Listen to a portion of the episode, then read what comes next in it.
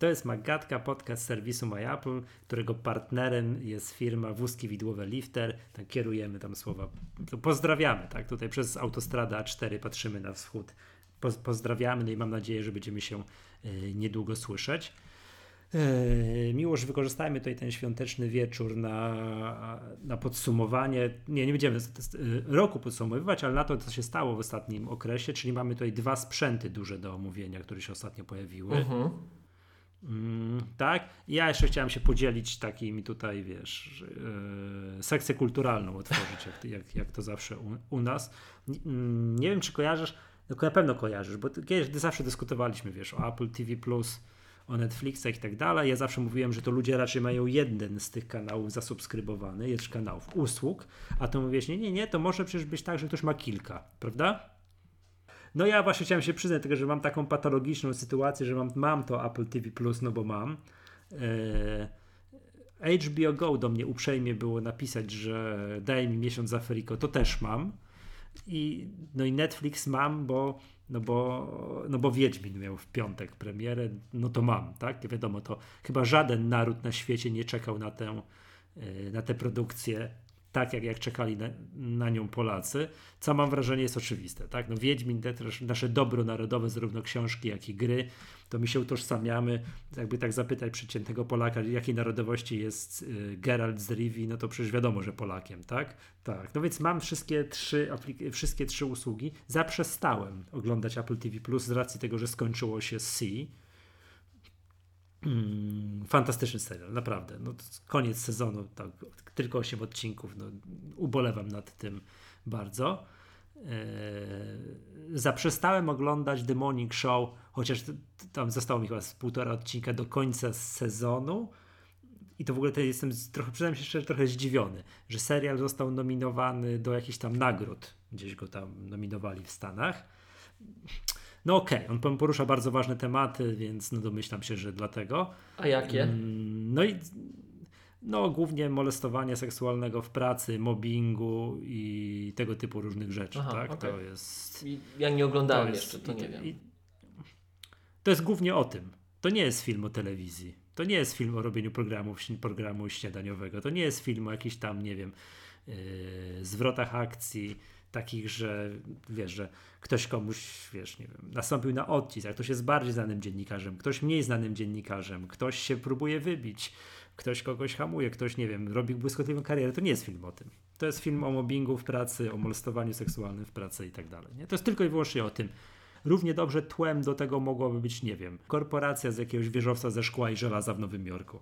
Tak? Ale kompletnie to nie, nie związane z telewizją. Cokolwiek innego to mogłoby robić, nie wiem gry komputerowe produkować, albo jakiś, nie wiem, międzynarodowy audytor. I to nie ma w ogóle znaczenia, to wpływ, wpływ na fabułę jest minimalny. Uh-huh. Tak, czy to jest akurat mm, telewizja, która robi program śniadaniowy i tam tak jest przedstawiony jako najbardziej popularny mm, program tego typu w Stanach Zjednoczonych, no i wiadomo, tak, no i, i wokół tego się wszystko kręci i tam bardzo potężny y, jeden redaktor nagle się okazuje nie do końca, okazuje się nie do końca być wzorem moralności. No tak bym tutaj powiedział. Tak, od tego się cały film zaczyna, no i dalej już nie będę, nie będę opowiadał o czym to jest, no bo to już sobie każdy może sam obejrzeć, tak, ale to no, okej, okay, ważny temat i tak dalej, ale to nie jest coś, że wiesz, że przygryzałem wiesz, przygryzałem paznokcie, kiedy kolejny odcinek. To mówiłem już o tym, nie? Dobra, więc tego nie oglądam. HBO Go chętnie bym chwilę pooglądał, jakby tylko aplikacja działała, to jest dramatycznie działająca aplikacja. Pamiętam, mówiłem już o tym w Magatce, ale już zdążyłem zapomnieć, jak to było. To działa mniej więcej tak. Napisało do mnie, że daje mi miesiąc za darmo. No to fantastycznie, oczywiście. Siadłem, zalogowałem się, uruchomiłem sobie ten miesiąc za darmo. No i ona ma, ta aplikacja, taki, taki, taki że tak powiem, uciążliwy komunikat wyświetla, e, brak połączenia z internetem. No, wiadomo, nie da rady oglądać serwisu streamingowego, jak nie ma internetu. A oczywiście internet jest, bo wszystko Netflix, YouTube, strony www, wszystko działa. Na przykład na iPadzie czy tam na iPhone'ie.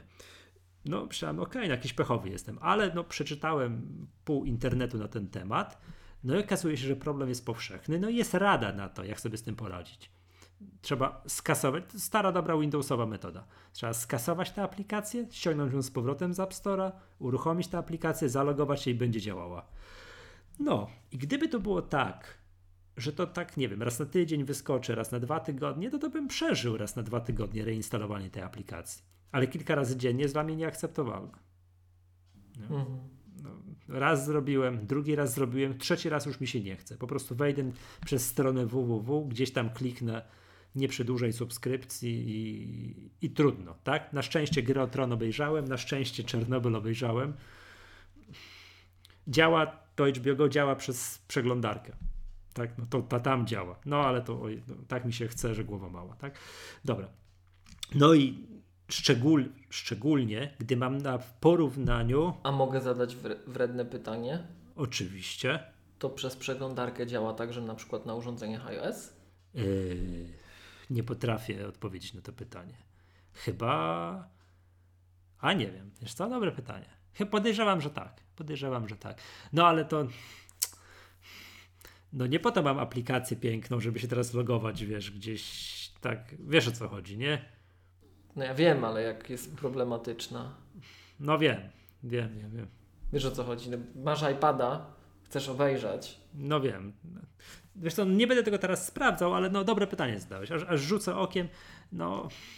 Wiesz co, tak, nie chce mi się, bo uruchamiam aplikację Netflixa i tam wszystko działa. Po prostu widzę porównanie tuż obok. Tak? Nie muszę daleko szukać. To nie jest jakaś tam wyimaginowana usługa, której nie ma w Europie, w Polsce, tylko po prostu uruchamiam i działa. Jak działa fantastycznie ta, yy, ta aplikacja.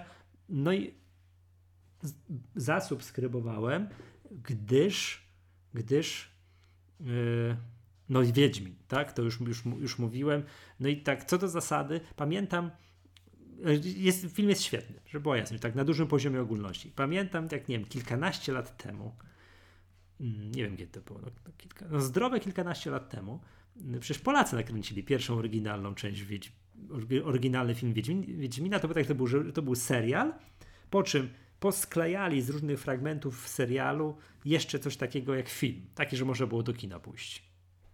E, było takie. No i tamten film no, był dramatyczny, tak? Co to było dużo mówić, ten był żałosny, ale jak teraz wiadomo, ja pamiętam, powiedziałem nawet w myślach, tam ze znajomymi się dzieliłem taką opinią, że o matko boska, ten Wiedźmin, jakaś katastrofa ale że za ten film powinni się wziąć Amerykanie, przyłożyć budżet 100 milionów dolarów i zrobić ten film tak jak się robi, tak jak wówczas, bo to był ten rok, mniej więcej te czasy, kiedy Gladiator wyszedł Ridleya Scotta. No, który wiadomo, na, na pełnym maksie zrealizowany z gigantycznym rozmachem, gigantycznym budżetem, super film.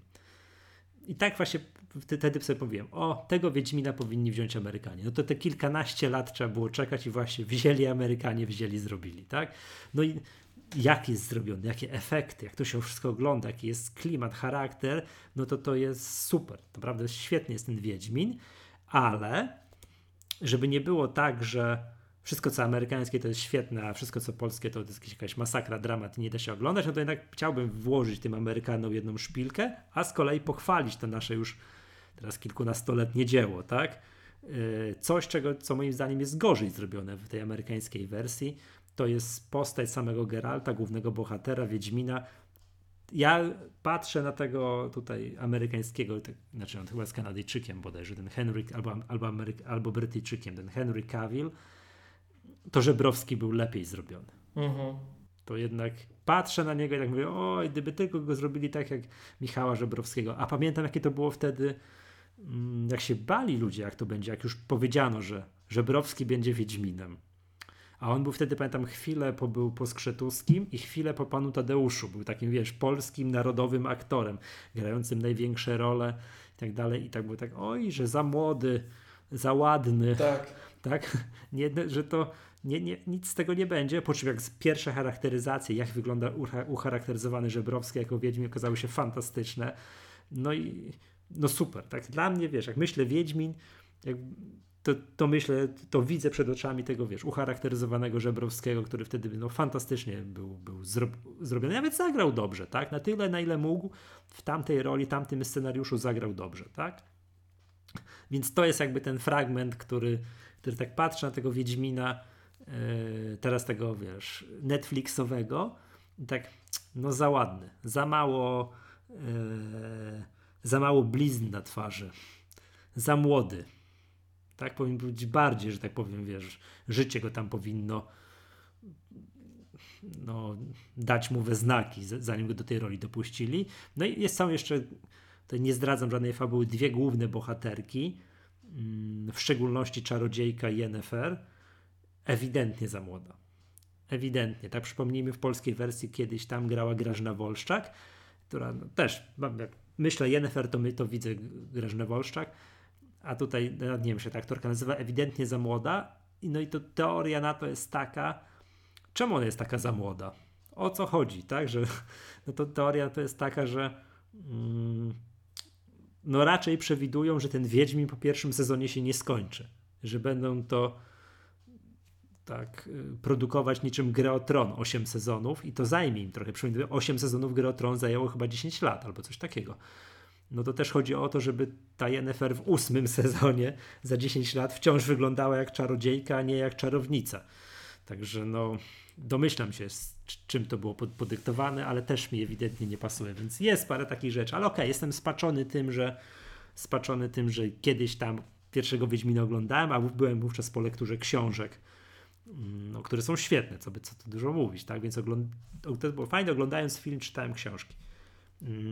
No i tam jakby też patrzyłem tak, o Jezus Maria, taka faj, takie fajne książki, a taki dramatyczny film, nie? E, no żałosny, co tu dużo mówić, ale jednak główne postacie i, i Geralt i Yennefer naprawdę fajnie dobrani, fajnie ucharakteryzowani, fajnie, fajnie zrobieni, tak? To, co mógł Żebrowski zagrać, to zagrał dobrze, tak? No, na więcej nie pozwolił. Yy, no, no, tamte możliwości chyba techniczne, no bo co tu dużo mówić, ten film powinien, być, powinien był być od początku zrobiony tak właśnie teraz, jak to Amerykanie zrobili. Z pełnym rozmachem, mm, z gigantycznym budżetem, no, ten no, film szokuje, tak? Jak się ogląda jakieś e, no, możliwościami wizualnymi, tak, efektami specjalnymi, to jest po prostu wow. To, jest, to jest, szok, prawda? Mhm. To jest, tak, no a sceny walk, e, no to jest fragment, w którym ten no, Netflixowy Wiedźmin wydaje się nawet lepszy od naszego polskiego Wiedźmina, czyli sceny walk. O sceny walk to, no, to, to są szokująco dobrze zrobione, no ale to wiadomo, Amerykanie, no, z pełnym rozmachem, z gigantycznym budżetem. To super to wszystko, super to wszystko wygląda. Nie ma smoka. To... Przynajmniej nie, nie dotarłem jeszcze do żadnego odcinka ze smokiem, ale, no ale dobrze, tak. To... Ponoć diabeł już, był lepszy nie, nie, u nas. Yy, chyba nie mogę się zgodzić. Chyba nie, nie. mogę się zgodzić. Na pewno je, Jaskier jest lepszy w naszej w naszej, przepraszam, nie w naszej, w amerykańskiej wersji. To był z kolei fragment, który mi nie pasował w polskiej wersji, już te kilkanaście lat temu, jak oglądałem, czyli yy, wtedy pamiętam Jaskiera grał Zamachowski. Mhm. No i z kolei za stary, no nie pasujący do tej roli, no nie, tak? A teraz Jaskier jest fajny. Teraz Jaskier jest na pewno fajny, także to no co, słuchajcie, no, drodzy słuchacze, obejrzyjcie, bo, bo warto. Że się, w szczególności, że ja się utożsamiam, wiesz, że to jest film o naszym, wiesz, bohaterze narodowym. Tak. A w ogóle jeszcze zobacz, jest, efekt jest też taki tego Wiedźmina, tego Netflixowego, taki biznesowy. Książki Sapkowskiego gdzieś teraz widziałem w jakimś zestawieniu w Amazonie, w jakiejś, w czołówce. Mhm. W czołówce. Te wszystkie, te dwa tomy opowiadań i pięć części sagi i gra Mm, CD Projektu Wiedźm tak The Witcher 3 yy, znowu w jakichś też w czołówkach rankingu na Steamie. Mhm. A gra ma ponad 4 lata. Mhm. Tak? Okej, okay, nie sprzedają jej po pełnej cenie, ona jest wiecznie już w jakiejś promocji, to jest oczywiste, tak? To jest, że gry, które mają 4 lata z hakiem, muszą być w jakiejś ciągle jakiejś promocji, bandlach, zestawach, czymś tam i tak dalej. To jest dla mnie oczywiste, no ale wciąż tak? To widać, że ewidentnie był piątek, pojawił, pojawił się film, minęło, minęło no, chwila, pół dnia, dzień i od razu te, ta gra bardzo wysoko została, yy, została gdzieś tam wywindowana w różnego rodzaju rankingach.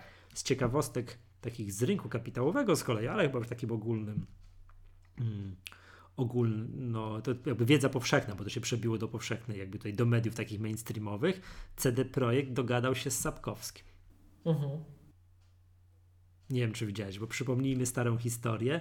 lata temu, te kilkanaście lat temu, przed wydaniem Wiedźmina pierwszego, e, CD Projekt e, no, no musiał kupić jakoś prawa do, możli- do posługiwania się e, posługiwania się do marką Wiedźmin. No i wtedy to jest słynna historia, że tam, drogi panie autorze, chcesz pan kilka procent od przychodu, czy tu i teraz kasa na stół? No i on powiedział, że on nie wierzy w te gry, idźcie mi z tymi grami, chce kasę na stół. I wtedy, wtedy było to 35 tysięcy złotych. Tak, no dzisiaj CD Projekt jest wyceniany na giełdzie na 20 parę miliardów, tak, tak, tak 25 miliardów złotych. Wyceniany, tak, to jest, on takie, a, a, a sam Wiedźmin przyniósł już chyba, nie wiem, jakieś, to są kwoty liczone już w miliardach złotych, tak, przychodu. Yy, przychodu, także no, hmm. no i Sapkowski pozwał ostatnio CD Projekt o to, że chce od nich jakieś większe pieniądze. Oczywiście szczegółów nie znamy, ale jest informacja, że się dogadali. W szczególności co do dalszego wykorzystania marki Wiedźmin, co jakby no, w sposób oczywisty daje podpowiedź na pytanie, że Wiedźmin 4 jest gdzieś tam w przygotowaniach. Albo jakieś, jakaś gra pokrewna gdzieś ze świata Wiedźmina. Już, ja tyle o tym Wiedźminie. Tak? To z sekcji kulturalnej yy, tyle. Ja nie oglądałem, yy, więc Chciał... nie wypowiem się niestety. Ojej. A tego pierwszego Wiedźmina tam 100 lat temu oglądałeś? Tego polskiego? Tak, tego polskiego oglądałem. No. Pamiętam Żebrowskiego. To rzuć sobie okiem, to rzuć na tego amerykańskiego Wiedźmina, wiesz, jaka jest gigantyczna różnica, nie? Jak to w ogóle, wiesz, jak człowiek tak pamięta cokolwiek, nie? z tamtego polskiego, a teraz nagle, mhm. to, to, jest, to, to jest szok, nie? To, to jest naprawdę to jest naprawdę szokujące, jaka jest, jak Amerykanie potrafią robić właśnie, wiesz, filmy z ogromnym rozmachem, z efektami specjalnymi, z, z dopracowanym wszystkim, tak?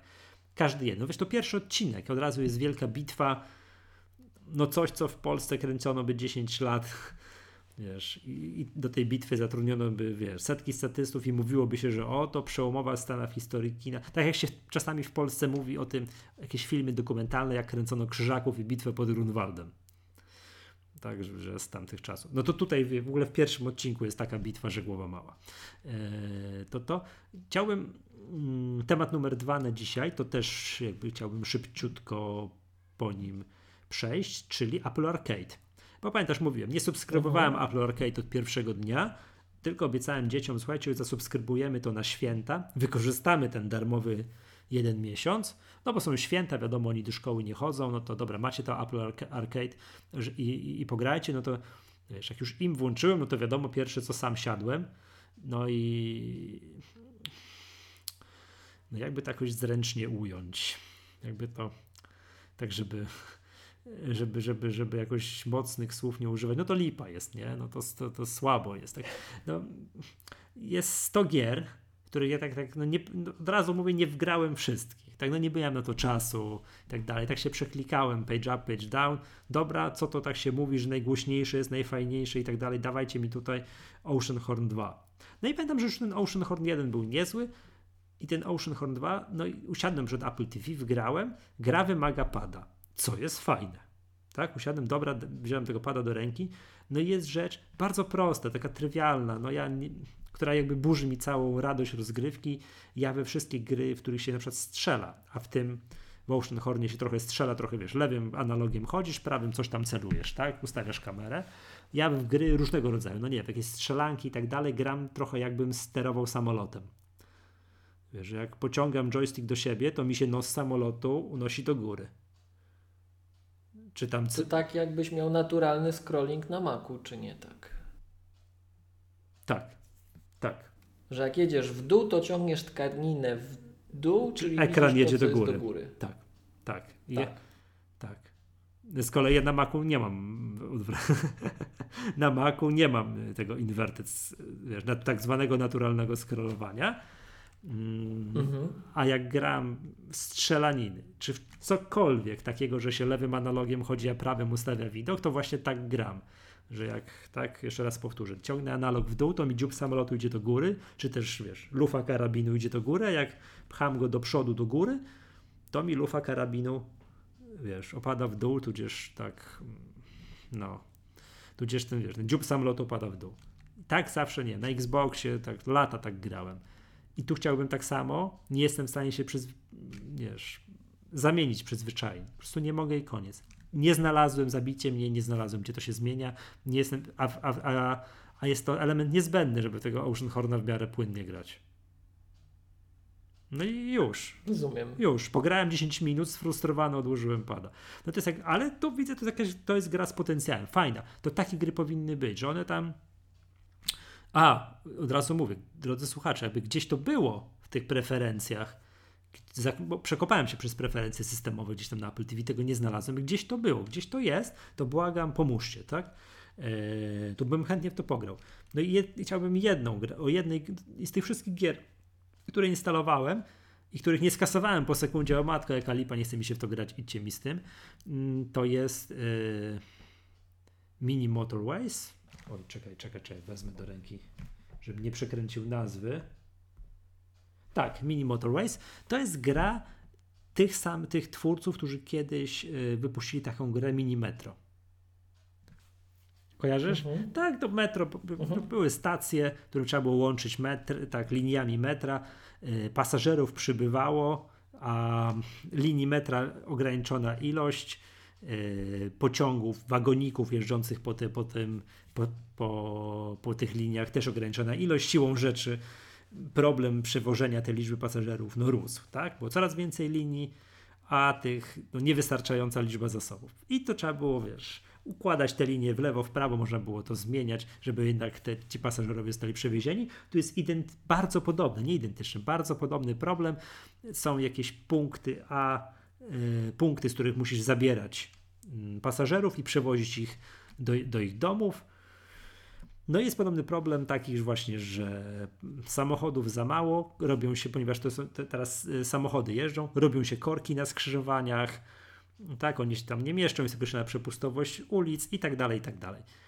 Tak, a przybywa ciągle tych punktów, z których musisz odbierać, odbierać pasażerów. Yy, no i to fajna gra. Mam bardzo przyjemnie, raz na dwa dni se pyknę sesyjkę, jestem, jest, jest to gra przyjemna, miło, fajna. No i powiem tak, to jest tak, czyli Ocean Horn 2, Mini Metro, czy nie Mini Metro, tylko Mini Motorways. No i uwaga, to już. Tak. No. Rozumiem. A gier jest 100, nie? Moje dzieci, wiesz, ja byłem przekonany, że moje dzieci, moje dzieci się na to rzucą, znaczy przekonany, tak? No, liczyłem na to troszeczkę. Ja pamiętam, że wiesz, że za moich czasów, przy, no, jak dostawałem nową grę na, nie wiem, na Atari 800 XL, gdzieś zdobyłem, dostawałem, zdobyłem gdzieś, przegrałem od kolegi, gdzieś wyczarowałem skądś, no to potrafiłem łupać cały dzień w jedną gierkę.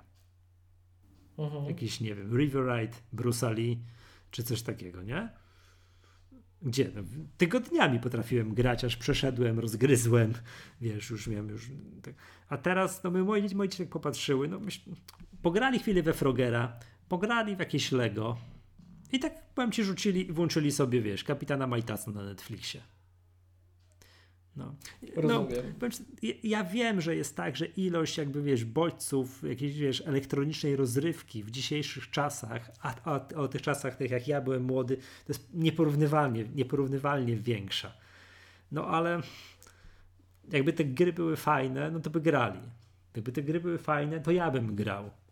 A ja tak popatrzyłem, pograłem, pograłem w to mini Motorways Myślałem, dobra, no to no, no zagram se w szachy na czeską, tak, jak już tutaj nic nie ma. Yy, może coś przegapiłem. Od razu mówię, bo tak jak zastrzegam się, to jest bardzo ważne. Nie, nie przeklikałem się przez, przez wszystkie 100 gier, no bo to, to, to aż tyle czasu nie miałem, żeby wgrać 100 gier, uruchomić, popatrzeć, wy, wydać jakieś, jakąś ostateczną ocenę. Jakby było coś fajnego, daliby coś, wy, nie wiem, subskrybujecie to Apple Arcade i coś wam utkwiło, że o, dla tej jednej, dla tych dwóch gierek warto, a ja po prostu wziąłem, przegapiłem, to napiszcie, dajcie koniecznie znać, w co gracie, bo na dzień dzisiejszy ja wydaję jakby, no, opinię taką, tutaj wyrok, że kończy mi się ten darmowy miesiąc gdzieś tam, nie wiem, 10 któregoś stycznia, no to ja przerywam yy, te subskrypcje, będę czekał na jakieś, na więcej innych gier i no i już, tak? I już. No to nie jest warte tych pieniędzy, nie jest warte tych tam, nie wiem, nie pamiętam teraz do końca, 20 paru złotych, tak? Bo chyba 25 zł chyba kosztuje miesięczna, miesięczna subskrypcja. to od razu mówię, to nie z mojego doświadczenia, znaczy po trochu z mojego doświadczenia, po trochę z recenzji, widać bardzo, że, że to, że to działa i musi działać na tym Apple TV czwartej generacji, czy tym, co ja mam, mm, to trochę ciąży w dół tym grom. One się na niej przecinają, na tym, na tym Apple TV i tak dalej. Gdyby ktoś nie miał nic, żadnego sprzętu, a myśli sobie, dobra, kupię sobie coś do Apple Arcade, to niech brońcie, panie, panie Boże, niech nie kupuje tej poprzedniej generacji bo trzeba kupić nową mhm. generację. To już słyszałem, czytałem w kilku recenzjach, że na tym nowym sprzęcie, na tym Apple TV, które się nazywa 4K, te gry chodzą. Jest wszystko w porządku. Tak na tym moim Apple TV poprzednim, to, to widać, że to się krztusi. O tak bym tutaj delikatnie powiedział. Tak? A przez to, że oni muszą te gry równać w dół, no, no to siłą rzeczy tak to wygląda, jak wygląda. No nie przez przypadek, co ileś tam lat wychodzi nowe PlayStation i wychodzi nowy Xbox, bo są potrzebne nowe, potężniejsze maszyny, żeby odpalać jeszcze fantastyczniejsze, jeszcze większe gry, tak? Mhm. No nie da rady odpalać, cały czas bazować na, wiesz, na, na, na, na Commodore 60, na C64, tak? No nie da rady w tego Ponga upaść do nieskończoności, że to fajne i tak dalej, że trzeba jednak te sprzęty upgrade'ować, żeby te gry wyglądały jeszcze fajniej, jeszcze lepiej, tak? To jeżeli sobie sprowadzimy ten taki, wiesz, na sam dół, że musi się uruchamiać na, wiesz, przy jakimś sprzęcie, który ma no, no słabe parametry, tak? Czy, no, to, no, to, no, no, no to będziemy mieli właśnie takie gierki ledwo co chodzące i takie, no słabiutkie, tak. No. Dobrze, już ja tyle o Apple Arcade, tak? Jak mówię, bardzo proszę, bo chciał, chciał, nie ukrywam, no ja lubię, lubię sobie pograć, tak? Jak macie, słuchacze, jakąś grę, którą ja przegapiłem, a w gracie i łapiecie się teraz za głowę, co ty gadasz w tej magatce, ty chyba oszalał. Wyłączam ten, ten program, przecież jest taka fajna gra, to napiszcie mi to czymkolwiek, Twitterem albo na naszej grupie magatkowej, dobra?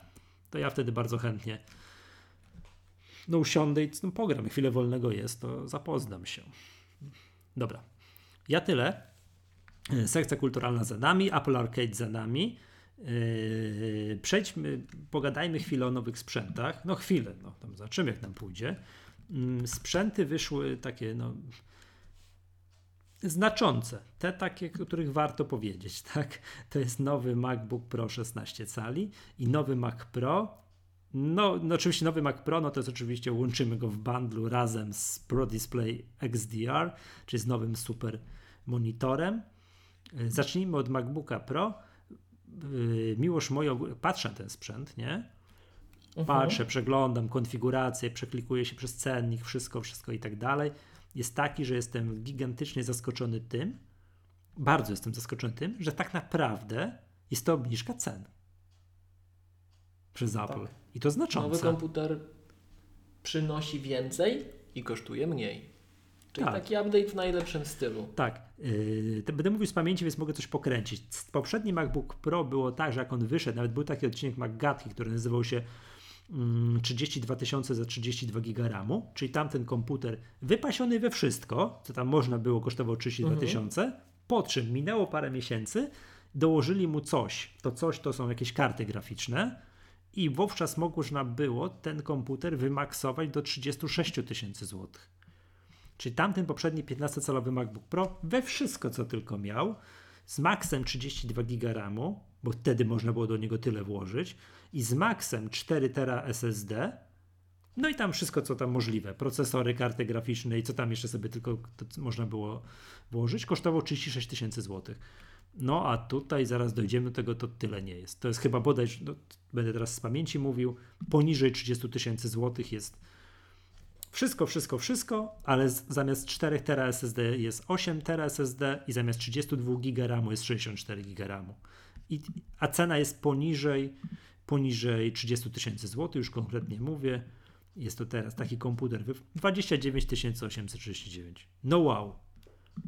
A gdyby zrobić mhm. komputer porównywalny, że wszystko na maksa, czyli procesor, karta graficzna, ale podobnie jak poprzednio, 32 GB RAMu i 4 TB SSD, żeby to jakkolwiek było porównywalne, prawda? Mhm. 22 tysiące złotych z małym hakiem, a poprzednio było 36 tysięcy. To poprawcie mnie, jeżeli ja to źle pamiętam. Muszę zacząć robić jakieś screenshoty. W sensie, wiesz, te cenniki, nie? Bo to już... Zapisywać. Zapisywać, tak, po prostu... No, aż mi się nie chce wierzyć, że może być aż taka aż taka e, różnica w cenie. Czy też tak to pamiętasz, czy ja coś tutaj... Tak samo pamiętam. Jest taniej i więcej. Jest znacznie taniej. Znacznie. I znacznie więcej. I znacznie, i znacznie więcej. Miłosz, jak, jak przywitałeś e, informację, że oto teraz w końcu po latach można do komputera przenośnego włożyć 64 GB RAMu?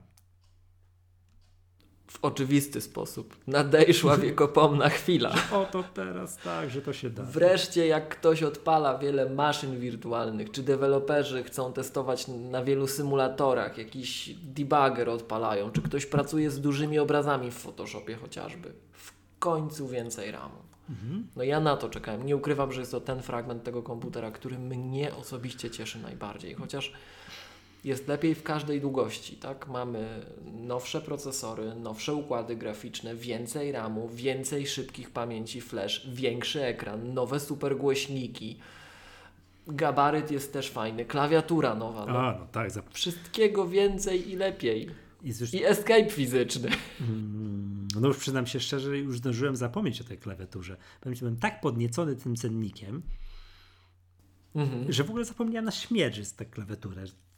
Pewnie tak. dlatego, jest. pewnie dlatego, że mi się żaden klawisz dawno nie zepsuł. I dawno nie byłem zły na moją klawiaturę, którą posiadam w tym komputerze. I dawno nie mówiłem sobie, o, jak tylko wyjdzie komputer z nową klawiaturą, to sobie kupię taki, żeby już był już poprawioną klawiaturą, tak? To dawno, w związku z tym już zdążyłem zapomnieć na śmierć, a faktycznie jest nowa klawiatura. O, tak, tak, jest. No, Także tak, ponieważ nie miałem dużo pozytywnych zmian. Nie miałem komputera w rękach, to to, co jakby jest dla mnie najbardziej tutaj w tej klawiaturze yy, fajne, to jest, są strzałeczki, układ strzałeczek. Że to jest odwrócone ten. No nie wiem jak ty, już używam tego komputera swojego dłuższą chwilę. Ja się nie przyzwyczaiłem. Mhm. Średnio raz tam na kilka godzin, raz dziennie pomylę i zamiast strzałki w lewo kliknę Alt, tudzież na odwrót zamiast Alta kliknę lewą strzałkę. To, to mi się zdarza, tak, że to jest... Mm, no. Mnie się to nie zdarza, ale nie wiem, czy mnie to spowalnia już teraz. Nie, nie. Nie wiem, czy ja się zastanawiam. Ciężko jest mi powiedzieć, wiesz? No mnie ten raz dziennie... Sp... Ja już po prostu wszędzie mam te klawiatury takie, więc... No wiem, mnie to nie spowalnia, no bo, taka, y, no bo jednak pracuję normalnie, ale no nie, spowalnia w tych momentach, co się mylę. No to w tych momentach, o, o Jezu, co to ja zrobiłem, tak? No wolałbym to mieć tak, jak jest tutaj, tak? No i no fizyczny escape to nie wiem, no bo to ty jesteś fanem F-ów. Ale wiesz, ja jestem fanem, ja jestem fanem generalnie F-ów, tego, żeby mieć to dotykowo, więc... Um... No, no, nie ma. No jest escape, tym co płakali, że escape'a nie ma, jest. Mhm. To, to jest pozytyw, należy to odnotować. Oprócz tego jest touch bar, który w bardzo wielu zastosowaniach, no widzisz, ja tu pewną ewolucję zaliczyłem, bo ja już trochę poddałem się, że nie ma tych fizycznych klawiszy i zacząłem wręcz spoglądać na to, co ten touch bar daje, a on, on początkującym użytkownikom to raz bardzo pomaga, bo on pomaga odkryć funkcje, które, do których często niby nie dotarli, bo one są gdzieś zakopane w menu na przykład, a z drugiej strony jest już trochę oprogramowania na rynku, które pozwala tego touchbara wykorzystywać do swoich własnych celów, że tak powiem. No tyle tylko, że trzeba spojrzeć na, na, na to, bo dotykowo to położysz rękę i coś wciśniesz, licho wie co. Chyba, że ktoś się bardzo dobrze orientuje tak przestrzennie. Ja niestety nie ja muszę zerkać, ale zaakceptowałem, pogodziłem się, wręcz staram się pokochać. O, Miusza, jak sobie poradziłeś? No bo ja tam widziałem kiedyś, pokazywałeś ten taki programik, wiesz, co ja z ciebie się naigrywam. Oczywiście tak, e, który już nie działa już na nie działa właśnie, musiałem, wiesz, coś... musiałem tak się poddać. E, ale chodzi o to, że w tym programiku, który tam właśnie wyglądał jak wiesz, jak coś z lat 90., nie? E, jak kiedyś mhm. tam tak przewijałeś na różnych szkoleniach, to pokazujesz, o wiem, Spark się nazywał, przypomniałem sobie. Tak, e, Spark. Mm, tę listę skrótów. I tam wiesz, ileś ekranów tych skrótów. Po prostu jak tak patrzyłem, mówię, tak. Boże drogi, co za patologia. No ale dobra, ma tak chłop, to tak pracuje, nie? I ja pamiętam, że w tych skrótach tam całą masę miałeś Command, Alt, Shift, coś tam, F4, nie? I tak tych takich dużo. To jak teraz nie masz tego F1, F2, F3 i tak dalej, nie masz tych Fów, to jak sobie poradziłeś? Pozmieniałeś skróty? Pozmieniałem skróty w taki sposób, że Fów nadal używam, ale w znacznie mniej popularnych momentach, przez co tak mnie to nie boli. Mhm, czyli taki... Że już wtedy to spojrzę na tę klawiaturę. Wiesz? Aha, czyli jednak. Okej, okay, a tego touchbara masz wyświetlonego takiego, że masz tam te wszystkie te kolorowe przyciski kontekstowe i tak dalej, nie, czy F? Nie, nie, nie, nie.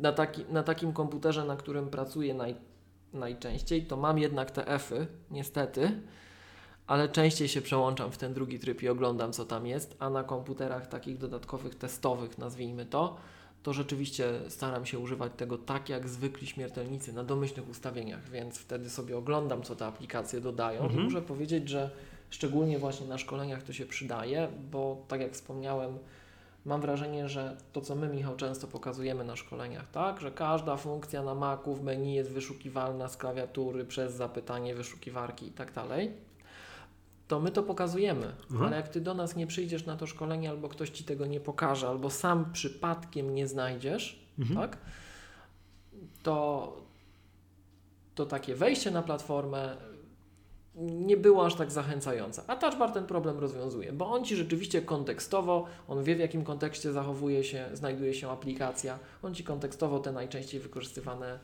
funkcje podpowie. No dobrze. Naprawdę to widzę i, i, i nie wiem, czy to tylko ja dojrzałem, wydaje mi się, że nie, że ekosystem też dojrzał, że autorzy aplikacji też sprawniej z touchbara dzisiaj korzystają niż zaraz po wprowadzeniu i uczą się też, że to warto tam wyświetlać te takie funkcje bardzo, bardzo przydatne. Mhm. Nawet nie najbardziej powiedziałbym takie, wiesz, jakby to powiedzieć, flashy, takie, um, że wow, tylko po prostu najczęściej wykorzystywane. To to nowym użytkownikom pomaga wejść na platformę. Bo wiesz, jak na przykład masz te aplikacje, które z mediów korzystają, to masz te slidery wszystkie mhm. przesuwające. Mhm, tak. To też się przydaje ale mam wrażenie, że, że, że przede wszystkim dla nowych użytkowników to takie wiesz, utwórz nową wiadomość w mailu albo odpowiedz. Mhm. Rozumiem, to jest ale... jeszcze lokalizowane od razu, także super. Okej, okay, okej, okay, ale dobra, ale de facto touchbar tak czy powiela to, co i tak jesteś w stanie uzyskać, czy to z ekranu, wiesz, klikając myszką tak. gdzieś, kursorem, albo klikając skrót klawiaturowy typu pogrup. Często tak. Często tak, nie zawsze. Są aplikacje, w których touchbar wykorzystu, jest wykorzystywany w taki bardzo specyficzny sposób, który inaczej byłby uciążliwy, tak? No taki przykład systemowy, wiesz, jak robisz jaśniej albo głośniej, ciszej, tak? To wystarczy, że przesuniesz odpowiednio i podniesiesz palec. No, tego na zwykłej klawiaturze nie zrobisz, mhm. więc są takie fragmenty. Natomiast rzeczywiście y, tak, ten inter, te, te, część e, w popularnych aplikacjach funkcji wyświetlanych na touchbarze powiela je w innych miejscach, ale przez to ułatwia ich znalezienie początkującym. Okay. Bo wiesz, jak czytamy HIGA na przykład, Human Interface Guidelines, te, które od czasu do czasu wspominamy, to mm, osoby czytające tę Apple'ową publikację raz na jakiś czas, najczęściej są to deweloperzy albo designerzy, doskonale wiedzą, że interfejs Maca jest tak zbudowany, że w zasadzie każdą funkcję to powinno się na 3-4 sposoby dać wywołać, a użytkownik skorzysta z tej, która jest dla niego najbardziej dogodna. Mhm. Okay. A to jest po prostu kolejna z nich. Okej, okay, rozumiem. Dobrze, yy, wiesz, to z takich ciekawostek, o których warto powiedzieć, no bo wiadomo, komputer to komputer, tak, najbardziej taka spektakularna rzecz, no to jest 64 giga no to jest, yy, warto powiedzieć, klawiatura, no to, no, no pewne, no nie chciałbym przyznać się do błędu, no bo to testy długodystansowe pokażą, czy ta klawiatura będzie się psuła, czy nie, więc to, to zobaczymy. Yy, to jest to, że znalazłem, że ten komputer, gdyż myślę już o monitorze, powiedziałem monitor, ten mm -hmm, komputer mm -hmm. można podłączyć do dwóch ekranów 6K. Tak. I na grafikach kontekstowych pokazujących to, że to można podłączyć do 6K, wiadomo jaki monitor jest, jest umieszczony. Oczywiście. Tak, tak. Nie ma du za dużo. tak, nie, tak, nie ma za dużo e, monitorów e, 6K tak na rynku który Apple mogłoby sobie umieścić i pokazać. Tak? Przeklikajmy się przez cennik. Y, zaproponowałbym na początku takie coś, w sensie tę tak zwaną, wiesz, wyklikać minimalną polecaną konfigurację MacGatki, poniżej której no, nie powinno. Nie warto schodzić. Nie warto schodzić. czyli zaczęlibyśmy od tego tańszego komputera, który kosztuje 12 tysięcy złotych i on ma w podstawie sześciordzeniowy procesor Intel Core i7 2,6 GHz dziewiątej generacji, mhm. E, kartę graficzną AMD Radeon Pro 5300M 4 GB ma pamięci ta karta, czy warto to pamiętać. 16 GB RAMu w podstawie, to jest fajne. Wszystkie trzynastki wszystkie trzynastki. Tu nie ma żadnej ma... różnicy. No jest, bo mogło być 8 w tej cenie, a jest 16 na dzień dobry. Z jednej strony tak, jak to porównujemy do bieżącej oferty 13-calowych komputerów, to masz rację, ale jak porównujemy nawet do komputera, którego ta 16 zastępuje, czyli do 15-calowego MacBooka Pro poprzedniego, to, to tak... na całe szczęście tam już się ósemki nie dało kupić. Tak, tak, tak. Także ta 16 jest ponownie najniższą możliwą konfiguracją. No i bardzo I, dobrze. Jak zapewne się domyślasz, ja bym w tym miejscu e, stwierdził, że jeżeli ktoś kupuje komputer na dłużej, nie na tam rok, tak? Tylko tak jak na przykład tutaj czasem Ty, Michał, wspominasz, mhm. że na przykład używasz komputera, dopóki Apple go wspiera, wspiera tak. jeśli chodzi o bieżącą wersję systemu operacyjnego, co jest takim zalecanym scenariuszem, bo jak to przestajemy udostępniać nowe wersje macOS, to rzeczywiście już bardzo poważnie trzeba się zastanowić nad przesiadką. Mhm. No i pod warunkiem, że kom, pod warunkiem, już nie jest bezpieczny, chociażby tak jak. Tak, i pod warunkiem, że komputer działa, no ale to ufam, że. oczywiście, tak. tak. oczywiście, że chcesz go jeszcze używać, to e, no to ja bym zdecydowanie tutaj rozbudował e, tę pamięć do 32 GB RAM. Tak, właśnie, czyli to przypomnijmy, że jest to niewymienny komponent, a pamięć RAM to jest to, co najbardziej postarza ten komputer w czasie. Dobra, ta minimalna polecana konfiguracja. Procesor zostawiamy, tak? Na chwilę w spokoju. Mhm. Jeżeli to ma być rzeczywiście minimalna, oszczędzamy minimalna. środki, to tak. Tak. Z 16 zmieniamy na 32, chociaż jest możliwe 64. No tutaj powiedzmy, tak. No ale to w minimalnej nie szalejmy, to zaraz przejdziemy tak, do tej właściwej. Tak, do właściwej. Mhm. Karta graficzna Hmm. No w minimalnej. To jest tak. To, mi się, to już jak w minimalnej. To w minimalnej. Tak? Wiesz co, mi się, już, to mi się wydaje tak, takie coś. Pamiętasz ten test monitora, jak robiliśmy? W momencie, jak jeżeli nie podłączasz mhm. komputera, takiego przenośnego, do zewnętrznych monitorów, nie wiem, do dwóch ekranów 6K, to to faktycznie minimalna. Gdyby, gdyby, jeżeli wiesz, że pracujesz tak, że ma podłączasz go do jakiejś wielkiej płachty, to, to wtedy trzeba myśleć o tej rozbudowie tej karty.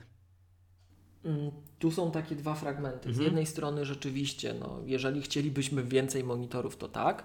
Dwa, że część osób, ale pewnie te osoby już są tego doskonale świadome, korzystają z oprogramowania, które jest samo w sobie wrażliwe na ilość pamięci tej graficznej, VRAM, tak? Mhm. To wtedy oczywiście warto z tego względu wziąć tę szybszą kartę, po prostu, natomiast no, im więcej płótna, im więcej okien, im więcej rzeczy, które, których, których e, ta wyrenderowana postać jest przechowywana w pamięci graficznej, e, tym dołożenie do karty graficznej, no rzeczywiście komputer uodparnia na upływ czasu.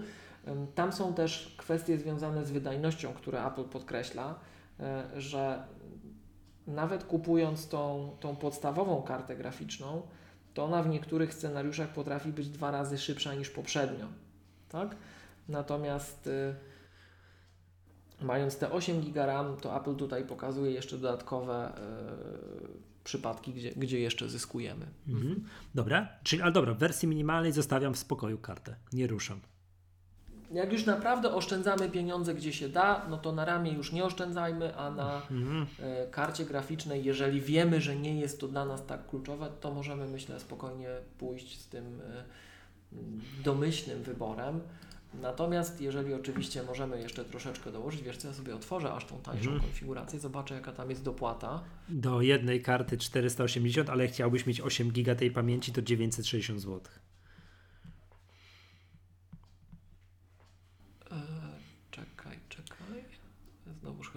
No nie są to żadne poważne prowegi, do których się dopłaca jakieś, wiesz, gigantyczne tysiące złotych, tak jak zaraz będziemy dopłacać yy, w wiadomo jakim komputerze. Mhm, mhm. No to okej. Okay. To, to, to, nie wiem, czy tysiąc złotych bym dopłacał. To może rzeczywiście. Dobra. No i pamięć masowa, no trochę zależy od tego, co kto robi, czy ktoś ma, wiesz... Co kto robi. Tak, tak albo czy ktoś na komputerze po prostu musi mieć wszystkie swoje zdjęcia, które zrobił przez ostatnie 10 lat, no to jak musi, to dopłaca, a jak nie ma, bo nie wiem, bo ma pracę biurową i tych dokumentów tekstowych dużo, dużo, dużo tylko gromadzi, one zajmują mało, no to 512. Przypomnijmy, jak to jest, że 30, nie wiem, pamięć SSD dobrze było, żeby z 30% było wolne. Tak, to mówiliśmy tak, o tym wielokrotnie. Tu, dokładnie tak. I tu jeszcze też właśnie fajnie, że ten mhm. temat Michał poruszasz, bo pamiętasz, my żeśmy ze 3 lata temu nagrywali tę audycję, w której mówiliśmy, że właśnie jak masz mało e, pamięci flash, mało tej pamięci SSD, jest ona zapchana pod korek i kupujesz komputer na bardzo wiele lat, jeszcze masz mało ramu i ciągle słopimy, to ta pamięć się szybko eksploatuje i przy bardzo długim okresie użytkowania no, można wręcz dojść do ściany, w której należałoby ten dysk wymienić, a czasem się nie da. Mhm. Tak? To przy, przy tym, jak mamy dyski 500 gigabajtowe, to ja mam wrażenie, że myśmy już pewną granicę przekroczyli, że tu już się nie ma co tego obawiać. Tak? Oczywiście, jeżeli ktoś miałby mało RAMu, no 16 to już nie jest taka katastrofa jak 8 albo kiedyś 4 czy nawet 2 w pierwszych komputerach z dyskami SSD od Apple. Ale, no ale lepiej też nie zapychać, tak? Ja myślę, że 32 GB RAMu i 500 GB dysku, jeżeli użytkownik się świadomie decyduje na to, no, umie to ocenić, to jest naprawdę bardzo komfortowa sytuacja, gdzie już o tą żywotność SSD nie powinniśmy typowo się mhm. obawiać. 13 919 zł. Mhm, czyli 80 zł mniej niż bazowa konfiguracja droższa. Tak, ale tam jest jeden tera w podstawie.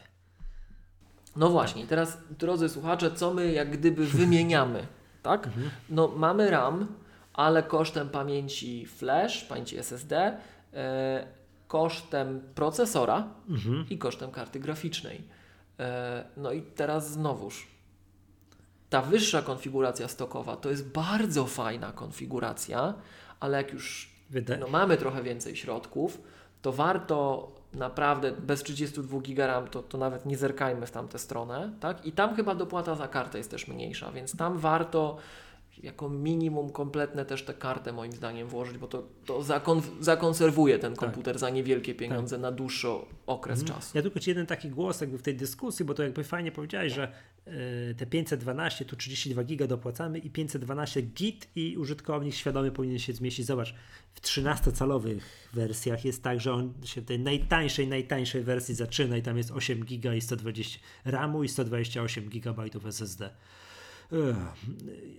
Tak, i jak gdyby to ma dwa, to ma dwa, trzy, trzy aspekty nawet. Jeden jest taki, że przypuszczam, że dla naprawdę dużej ilości użytkowników dzisiaj, jeżeli ktoś by dostał taki komputer, powiedzmy, że znalazł go pod choinką, mhm. tak? to, to może taki 828, to może się okazać, że on będzie do, do granic tego komputera docierał, chociażby przestrzenią dyskową. Tak?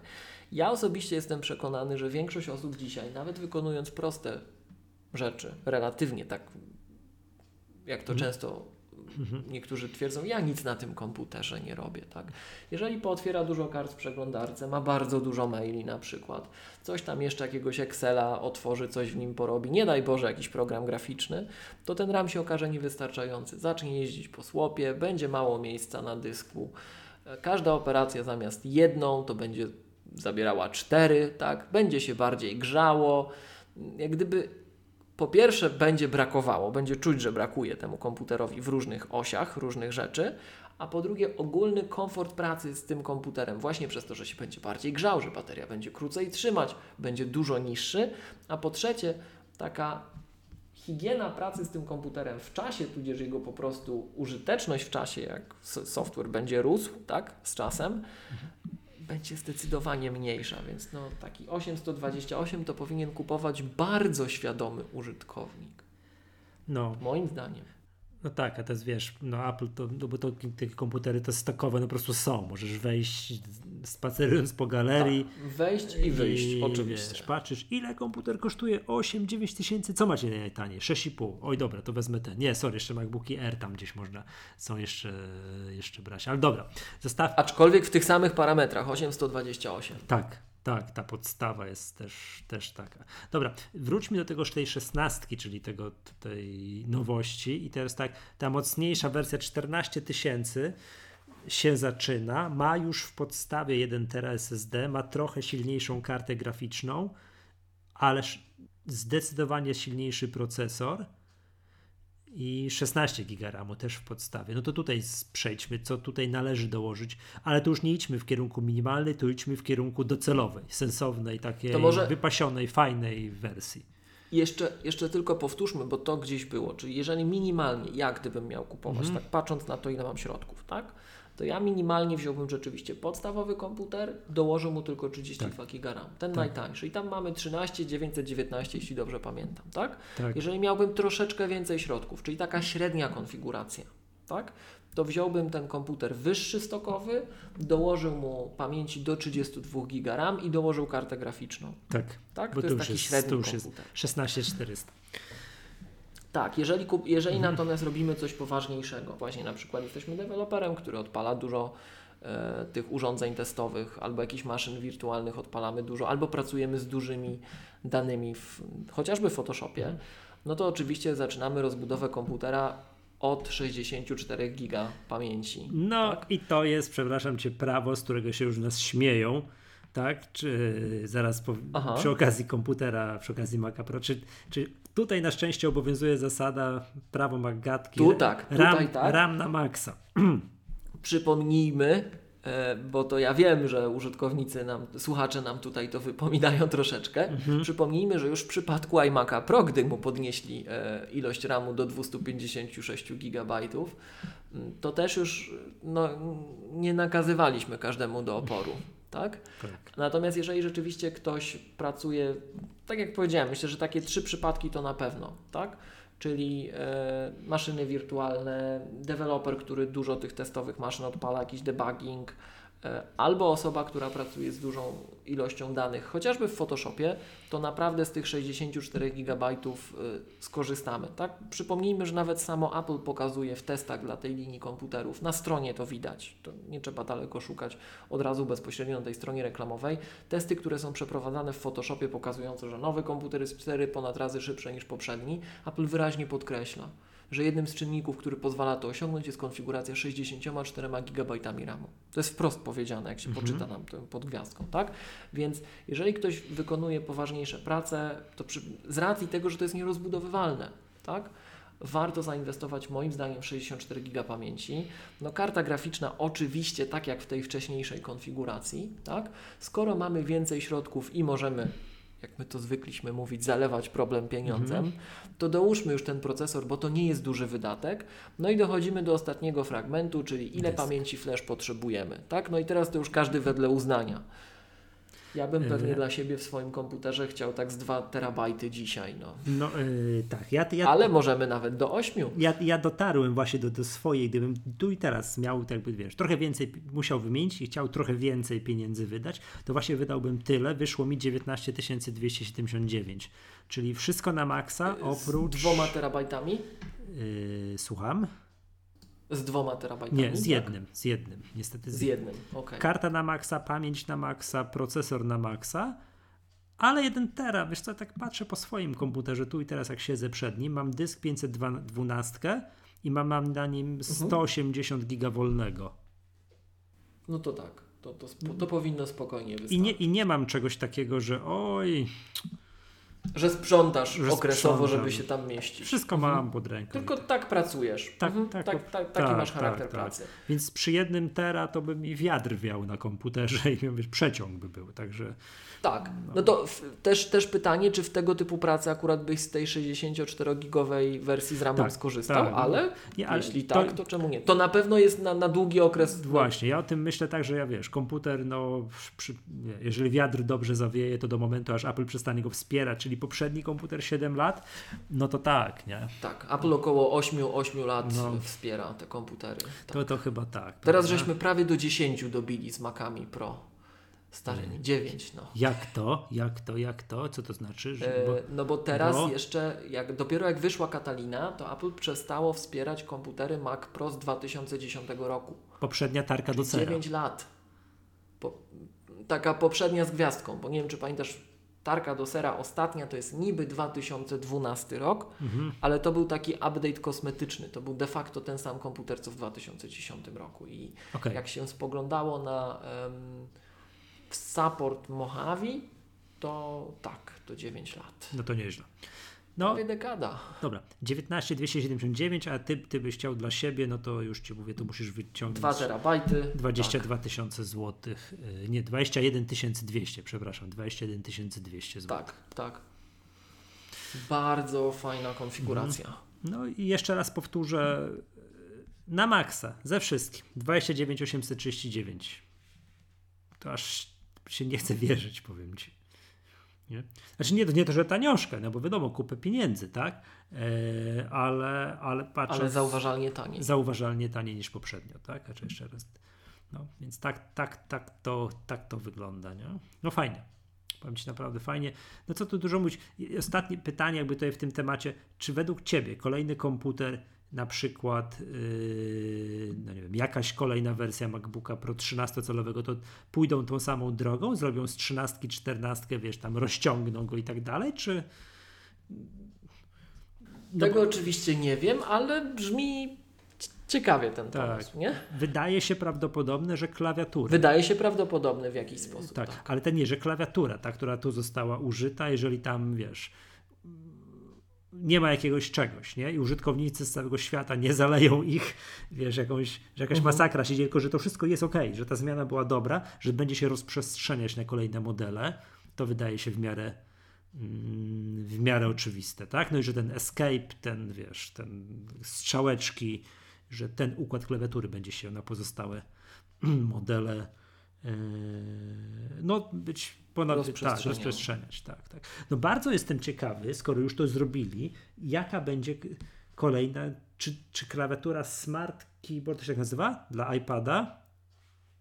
Mhm. Smart Keyboard się nazywa, keyboard. w którym też są te strzałki takie, że och, czasami się mylę. tak, czasami się mylę. Czy tutaj wezmą, też sobie tak zrobią? Ona jest trochę drobniejsza ta klawiatura, taka zdecydowanie drobniejsza. Czy tu się czy, czy będą w stanie to zrobić. No powinni, powinni to zrobić. Rzecz, której nie jestem się w stanie przyzwyczaić w klawiaturze Smart Keyboard, to to, że w lewym dolnym rogu nie ma klawisza FN, tylko jest klawisz zmiany klawiatury. No i ten. A w lewym górnym nie ma. To, to powiem ci, to mi nie przeszkadza. Ja nie odczuwam w przypadku systemu iOS potrzeby kliknięcia Escape'a. Przecież jak masz iPhone'a. A jak masz na przykład takie panele a jak masz... modalne, jak generowanie PDF-a. Nie wiem, jakoś nigdy. Ja się przyzwyczaiłem, z iPhone'a się przyzwyczaiłem, że de facto klawiszem Escape jest kliknięcie poza jakimś polem wyboru. Wiesz, pojawia się jakieś okno, na którym jest mhm. gotowe mhm. i jak ojojoj, to ja tego nie chcę. Na komputerze kliknąłbym Escape, prawda? Mhm. A na iPhone'ie no, tak to jest zaprogramowane, że klikam gdzieś poza tym oknem i ono mi znika. De facto tak to Przyzwyczaiłem się. E, wiesz co, ale jak mamy właśnie takie modalne, to chyba nie. Ja teraz to próbuję zrobić, A, wiesz? I... Jeżeli tak to nie działa, to najczęściej jest przycisk anuluj.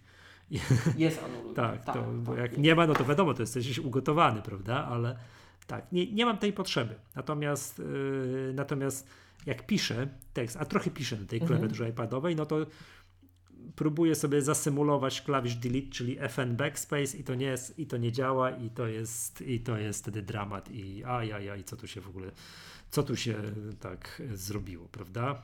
No to powiem Ci Michał, że mnie tego Escape'a brakuje i, i ja zawsze tak odruchowo do Escape'a sięgałem ręką, tak? Natomiast zarówno na iOS Inaczej, na iOS działa ta druga kombinacja odwołująca, którą znamy z Maca. Bo wiesz, że na Macu możesz odwołać na przykład panel otwórz, za, zapisz przez escape, mhm. ale możesz też przez command kropka.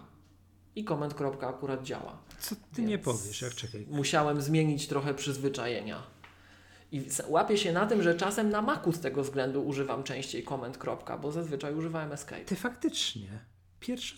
Mhm. No zobacz, Porada tygodnia, czyli tak, mam otwartą stronę internetową, klikam Command S, żeby zapisać, a pojawia mi się eksportuj jako coś tam, tak, jest zachowuj, anuluj. Escape jest znika, to jest oczywiste. Command kropka i to zadziała, mhm. to zadziała na iPadzie? To jest wszędzie cancel i działa to na iPadzie. Znaczy, oczywiście mhm. na klawiaturze iPadowej, tak? To, no, tak, na klawiaturze Smart Keyboard. Ale numer, no nie znałem tego. Command. Kropka. Także, do, za, do zanotowania. Tak, także jak ktoś, jak ktoś na przykład robi Command P na iPadzie, bo też działa, mhm, tak? tak? I chciałby to odwołać, no a nie ma escape'a, to Command. Kropka. Mhm. Poczekaj, aż się ponapawam troszeczkę Command P. jest anuluj, ale Command. Kropka. No a, jest.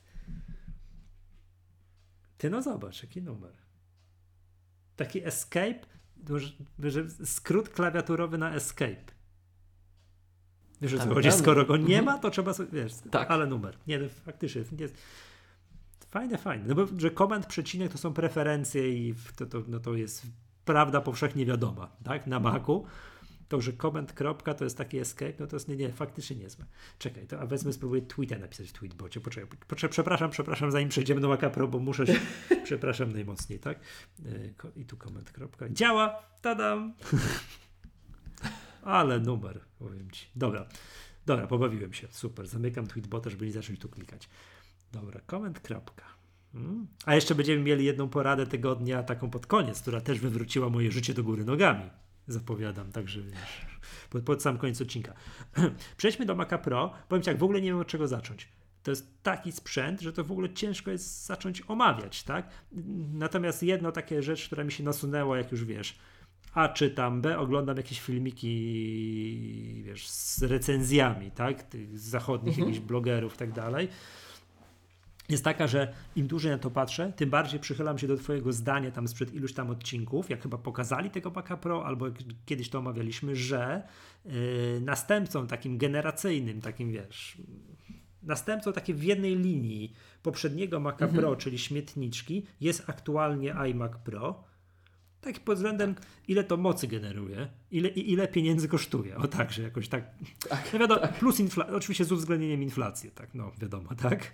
Tak jakoś tak. Mhm. Natomiast ten komputer, który teraz mamy przed sobą, mm, tego Maca Pro, y, to on nie ma swojego odpowiednika w, w historii Apple. To jest pierwszy z, pierwszy tego rodzaju komputer, który Apple wypuściło. I cenowo, to co jest wiadomo oczywiste, tak? I Chociaż nie jestem pewien, po ile te wszystkie X-serwy historyczne były sprzedawane. Już tego nie pamiętam.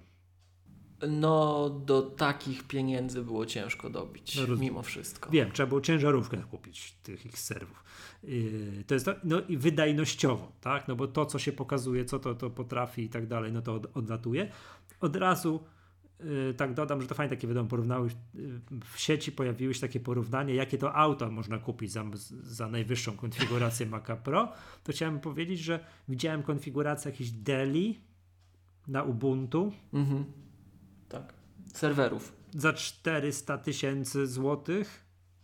Za 500 tysięcy, 400 kilkadziesiąt pod 500. No nie pamiętam, zabijcie mnie, bo to, przy, bo to nie, nie, nie ekscytowałem się tym specjalnie to nie jest tak, że y, Mac Pro w najwyższej konfiguracji te 250 kilka tysięcy to jest w ogóle najdroższy komputer we wszechświecie i o matko powariowali. To jest coś niespotykanego tak, w tej Przepraszam, u, użyję tego sformułowania. Komputer za ćwierć miliona.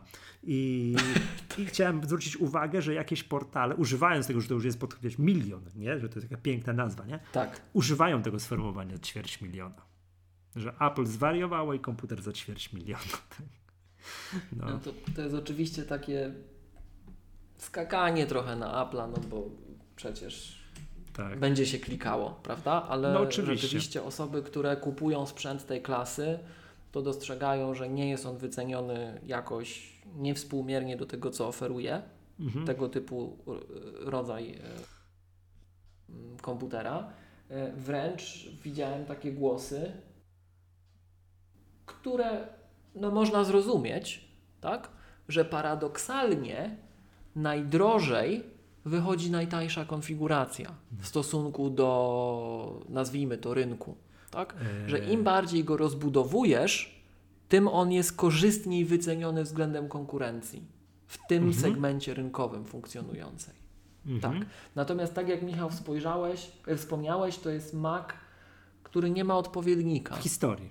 To jest, naj, tak, to jest najbardziej wydajny Mac w historii posiadający modułową budowę, czyli coś, czego nie, no, przed chwilą mówiliśmy o MacBooku Pro, tak? musisz od razu zainwestować w RAM, bo go nie rozbudujesz. Ten komputer jest z definicji zbudowany z modułów, tak?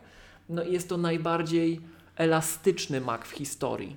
Możesz właśnie go najbardziej rozciągnąć od tej podstawowej konfiguracji do tej za ćwierć miliona złotych. On w ogóle podrożał, prawda? Przepraszam, już jeszcze się zdążył dobrze, jeszcze się nie zdążył dobrze, wiesz, na rynku mm, zadomowić, zadomowić tak. a, a, już zdążył podrożyć, tak? Bo on w pierwszej wersji, jak wyszedł, no wiadomo, pierwsze co to wszyscy rzucili się do konfiguratorów, dobra, jedziemy, suwak, suwaki w prawo i wyszło wtedy 253 tysiące złotych, a teraz jak pojedziesz suwaki w prawo, no to masz tam, o Jezus, czekaj, z tymi myszkami, Magic Mouse, z kółkami, o Jezu, o kółkach poświęcimy osobny fragment, odcinek o kółka na pewno, 250, 258 tysięcy złotych. I teraz dojrzałem, przyznam się szczerze, że tego wcześniej nie widziałem, że już wkrótce bo karty graficzne chyba dołożyli, prawda? Albo nie, coś tam dołożyli. Nie, sorry, było 4 tera SSD, a teraz jest 8. Terabajtów. Tak, a teraz jest 8 terabajtów tak. SSD. No bo byłby skandal, nie? Bo byłoby tak, że w, że w przenośnym komputerze w MacBooku Pro można było 8, a w Macu Pro 4. Był taki krótki moment. Teraz już można i tu, i tu po Był. 8. Mm, jakieś, jakieś, powiem Ci, karty graficzne y, dołożyli, ale to nie będzie drożej to nie będzie drożej. Jeszcze dołożyli, tak? Tak, już wkrótce. Radę... Było zapowiedziane, że, że dojdzie jeszcze jedna karta. Dwie, dwa są. Już wkrótce. Radeon Pro W5700X 16 GB pamięci i osobna opcja, dwa, proces dwa procesory, takie jakie powiedziałem, tak? Tylko, że teraz najwyższą możliwą opcją kart graficznych są dwa, y, dwa procesory Radeon Pro Vega 2 Duo, każdy z 2 razy 32 pamięci RAMu, czyli każdy Czyli możesz, jak chcesz, mieć 128 GB pamięci tej wideo. Jak chcesz, tak. potrzebujesz. Ile przypomnij tych monitorów 6K można do tego sprzęt? 6. 6. 6 monitorów 6K. Ja, mhm. ja pierniczę. Albo 12, 4. To wtedy tak, no ale wtedy zakładam, że jeżeli masz taką robotę, że sobie musisz właśnie takie, wiesz, centrum sterowania wszechświatem urządzić, mhm. to jesteś świadomy tego, że nie możesz kupować wersji z najtańszą kartą graficzną. Tak. Bo tak, bo tak, tak to podejrzewam jakoś jest, nie? Że, im, że, że jak musisz takie rzeczy, bo wykorzystujesz, to wiesz, mm, że, że, że lepiej mieć więcej. Tak, tak aczkolwiek tak. na te karty Apple spogląda po prostu jako na jednostki obliczeniowe, czyli nie w taki sposób, w jaki mm, powiedziałbym, mimo wszystko, ja tu nie chcę nikogo urazić, ale taka general public, taka tak powszechnie się rozmawia, tak? No bo powszechnie, to jak mówisz, karta graficzna, to o czym ludzie myślą? No, mimo wszystko cały czas o wydajności w grach na przykład. Tak, żeby tak? płynnie się wszystko albo nawet, tak. Mhm. tak, albo nawet tak jak my troszeczkę, tak? E, że podłączysz dużo monitorów, czy to będzie płynne, czy nie będzie płynne. Apple tutaj bardzo wprost podkreśla, że mm, te układy graficzne, GPU, tutaj są e, wykorzystywane jako akceleratory do liczenia, do, do, takiego, do, do takiego brutalnego po prostu liczenia, tak? Yy, tak, tak, Miłosz, to jest tak, uwaga, to będzie pierwszy komputer w historii, tak mi się wydaje, popraw mnie, jeżeli się mylę, w którym nie wydamy takiej, powiedziałbym, recenzji, takiej, jakby to powiedzieć, nie przedstawimy czegoś takiego jak minimalna polecana konfiguracja MacGatki. Tak, to, to już nie ma sensu. Nie, to nie da się, natomiast Yy, od razu mówię, to nie jest komputer dla mnie. Ja potrzebuję jakiegoś MacBooka Pro i to w nie najwyższej konfiguracji, jak powiedziałem, a może MacBooka Air i będę zadowolony, tak? I jakoś będę, będę dawał radę. Natomiast ty byś już chyba skorzystał, nie? Tak, i teraz mm, to... no ja troszeczkę się ślinię na tego Mac, no Maca Pro. Natomiast y, to właśnie to pokazuje, że nie ma czegoś takiego jak minimalna konfiguracja MacGatki, mhm. bo dla każdego, kto myśli o tym komputerze, e, ze względu na to, co robi, ta konfiguracja będzie inna. Ja jestem deweloperem, no trochę jestem człowiekiem, który zajmuje się czasem jakimiś wdrożeniami, testami, tego typu rzeczami, tak? E, tymi deploymentami. To dla, ja nie jestem użytkownikiem, który na przykład zwraca uwagę na paradoksalnie na kartę graficzną w, w kontekście tego komputera i tych kart, które tam są. Tak? Natomiast taka osoba jak ja zwraca uwagę na ilość rdzeni procesora bardzo i na RAM jeszcze bardziej. Tak? Więc jak ja bym ten komputer składał pod siebie, no to jak sobie odpalę taki cennik, to mhm. zacząłbym od tego, że wezmę sobie procesor 16-rdzeniowy e, z dwóch powodów. Mm -hmm. Może nawet trzech, ale ograniczmy się do dwóch. Jeden jest taki, że od 12, rdzeniow od 12 rdzeniowego e, procesora mamy szybsze taktowanie pamięci, co dla mnie jest istotne. Tak? Ja, ja na pewno to poczuję, że ta pamięć będzie szybsza. No i teraz im więcej tych rdzeni, tym można więcej rzeczy mu naraz zadać, żeby on się nie zmęczył. Więc jeżeli na przykład mówimy właśnie o maszynach wirtualnych, to oczywiście, że chcę więcej tych rdzeni. Tak? Więc ja bym no, szesnastkę wziął, ewentualnie dwunastkę, jeżeli budżet by e, tutaj nie pozwalał na więcej. Przy 24-rdzeniowym myślę, że ja już bym miał problem, żeby mu rozsądnie zadać dużo pracy. Natomiast gdybym miał pieniądze na taki procesor, to dopiero od 24 rdzeni mógłbym włożyć 1,5 terabajta pamięci, gdyby dla mnie to miało znaczenie. Aczkolwiek nie ma. Chociaż no. przypomnijmy, że mieliśmy słuchacza, po jednej mhm. z wcześniejszych audycji, który nam e, zwrócił uwagę, że w jego pracy, on, się, on jest profesjonalnym muzykiem i istotne jest to, żeby e, sample dźwiękowe trzymać w ramie, bo inaczej to, czym on się zajmuje, no nie działa. Tak?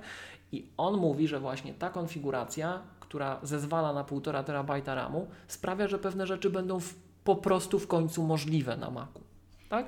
Więc super, pozdrawiamy serdecznie, tak? E, to w jednym z komentarzy na MyApple, w jednym z poprzednich odcinków było. Natomiast wracając do mnie, no to ja na te mhm. półtora terabajta właśnie w tym razem nie będę maksował, pozwolisz? Patrz, przestaje, ja bym... ale patrz, mhm. piękny moment w historii. pojawiają się komputery, w których przestaje obowiązywać prawo Maggatki, nie? RAM zawsze tak, na maksa. I tak... Kres technologiczny jest za moim kresem wyobraźni. Tak, tak. tak. To po prostu niesamowite. Więc, więc więc w, moim, w mojej pracy ja bym się zdecydował pewnie na 16-rdzeniowy procesor, tak jak powiedziałem, ewentualnie 12, ale nie 8 już, tak? I 192 GB RAM. 96 to za mało. Przepraszam, my już teraz składamy nie minimum pod ciebie, tylko takie. E, takie komfortowe. Komfort już. Komfortowe. Super, tak, tak że jak, jak coś takiego mi postawią na biurku, to ja będę bardzo wygodnie z tym pracował, nie będę się już niczym przejmował, tak sądzę. My drugi raz nagrywamy, drodzy słuchacze, ten odcinek i za mhm. pierwszym razem e, tak mówiłem, że 384 może, ale przespałem się z tym, popatrzyłem co ja robię i chyba jednak nie. E, chyba Już, jednak nie. z czego wynika to, że tutaj nie idzie po bożemu jak we wszystkich komputerach 6, przepraszam nie, 8, 16, 32, 64, 128, 256, wiesz, takie ładne, równo okrągłe liczby, tylko takie dziwne. 96. Bo zazwyczaj, 192. Zazwyczaj te, e, te, te liczby, do których my przywykliśmy, one no. wynikają z tego, że to jest zwykła, e, zwykła potęga dwójki kolejna. Tak.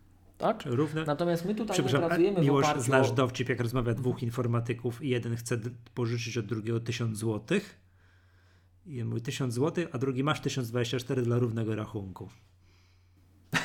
Mhm. No to właśnie, no właśnie, właśnie tak, tak. tak, tak. No.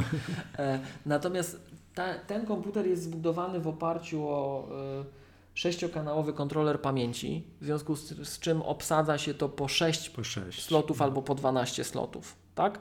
No jak sobie spojrzymy, to, to, to, to nawet to widać w konfiguratorze, tak? że te 192 giga to jest po prostu 6 modułów 32 gigowych. Mhm. Miłosz, a tak dobra, jesteśmy przy pamięci, ok, 192, przyjąłem do wiadomości, a nie przeraża Cię cena, bo dopłaca się za to w stosunku do oryginalnej 32, o Jezus Maria, tylko 14 400 zł. Hmm, czy tu byś nie robił podobnego patentu, jak robimy czasami dla naszych słuchaczy, którzy kupują od nas komputery, te iMaki 27-calowe, gdzie można wziąć z minimalną ilością RAMu kupić na rynku pamięć i włożyć inną. Ja wiem, że to nie jest ta sama, że to jest inne, wiesz, to jest tutaj ta ECC. To jest inna pamięć, tak. No ale... Po... W sensie to, to ma dwa aspekty. Jeden to, nie znam się, ale... Tak, że te pamięci są droższe, bo to są pamięci z korekcją tak, błędów. Właśnie, no. I trzeba by było zobaczyć, czy pamięci z korekcją błędów na wolnym rynku nie od Apple są istotnie tańsze. Tak? Mhm. Pewnie będą tańsze.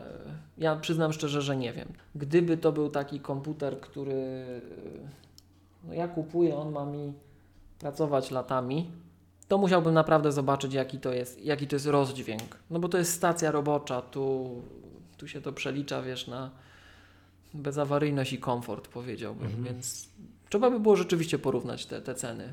No bo to jest masakra. Nie mówię, nie? że nie, ale jeżeli, jeżeli różnica nie byłaby duża, to pewnie kupiłbym to od Apple w całości. No rozumiem, bo tutaj taki przykład, już to wiem, to w ogóle działa na wyobraźnię, bo to można mieszkanie małe kupić, mhm. prawda? Różnica między 32 giga a maksem 1,5 tera, boże, tylko komuś to przydaje, 120 tysięcy złotych, nie? To jest taka tutaj... To już kawalerka, tak, Ma... w niektórych tak, miejscach. Gdzieś, gdzieś już można próbować zamieszkać za, tak, za takie pieniądze, tak, dokładnie. No dobrze, już 192 giga RAMu, no tak, żebyś tutaj komfortowo się No i teraz wiesz, to już się robi poważna kwota w tym momencie. 52 tysiące bez jednego złotego, yy, jak yy, widzę. Sorry, jak, dlaczego? Ja mam już... 16 rdzeni. No. I 192 giga RAM. To coś ci dokliknąłem już, przepraszam. To mnie, A już wiem, co ci to. Przepraszam, przepraszam. 50... Z automatu ci kliknąłem szkielet na, yy, na nóżkach, na kółkach wykonanych ze stali. Odkliknę. To, to, Litościwie odkliknę. To ja akurat za kółkami nie będę tęsknił. Po prostu nie. Dobra. E, I to nie chodzi o pieniądze. Po prostu nie chciałbym go mieć na kółkach. E, więc ja już mam 51 999 zł. To coś i ze względu na to, ja bym pewnie e, pozostał w tym, co robię z podstawową kartą graficzną. Okej, okay, dobra, widzę. Co już zobacz, co już pokazuje, że ja kładę w ogóle inaczej akcenty niż w innych przypadkach, tak? Mhm. No bo tu jest solidna dopłata za to, a myślę, że ja nawet pomimo tego, że będę na pewno chciał mieć monitor 6K do takiego komputera, e, to myślę, że przeżyje. Ale patrz, jakie to tak. są rozdźwięki. Patrz, jak o tej 16 tym MacBooku Pro mówiliśmy. Tam jakieś dopłaty, już teraz nie pytam, w której konfiguracji, było gdzieś tam dopłata do, do, do droższej karty 480, 480 zł.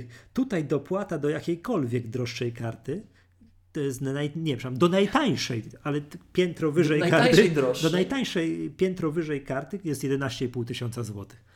Oj, oj, oj. Czyli tyle co, tyle, co MacBook Pro tam w podstawie tej, ta szesnastka, nie?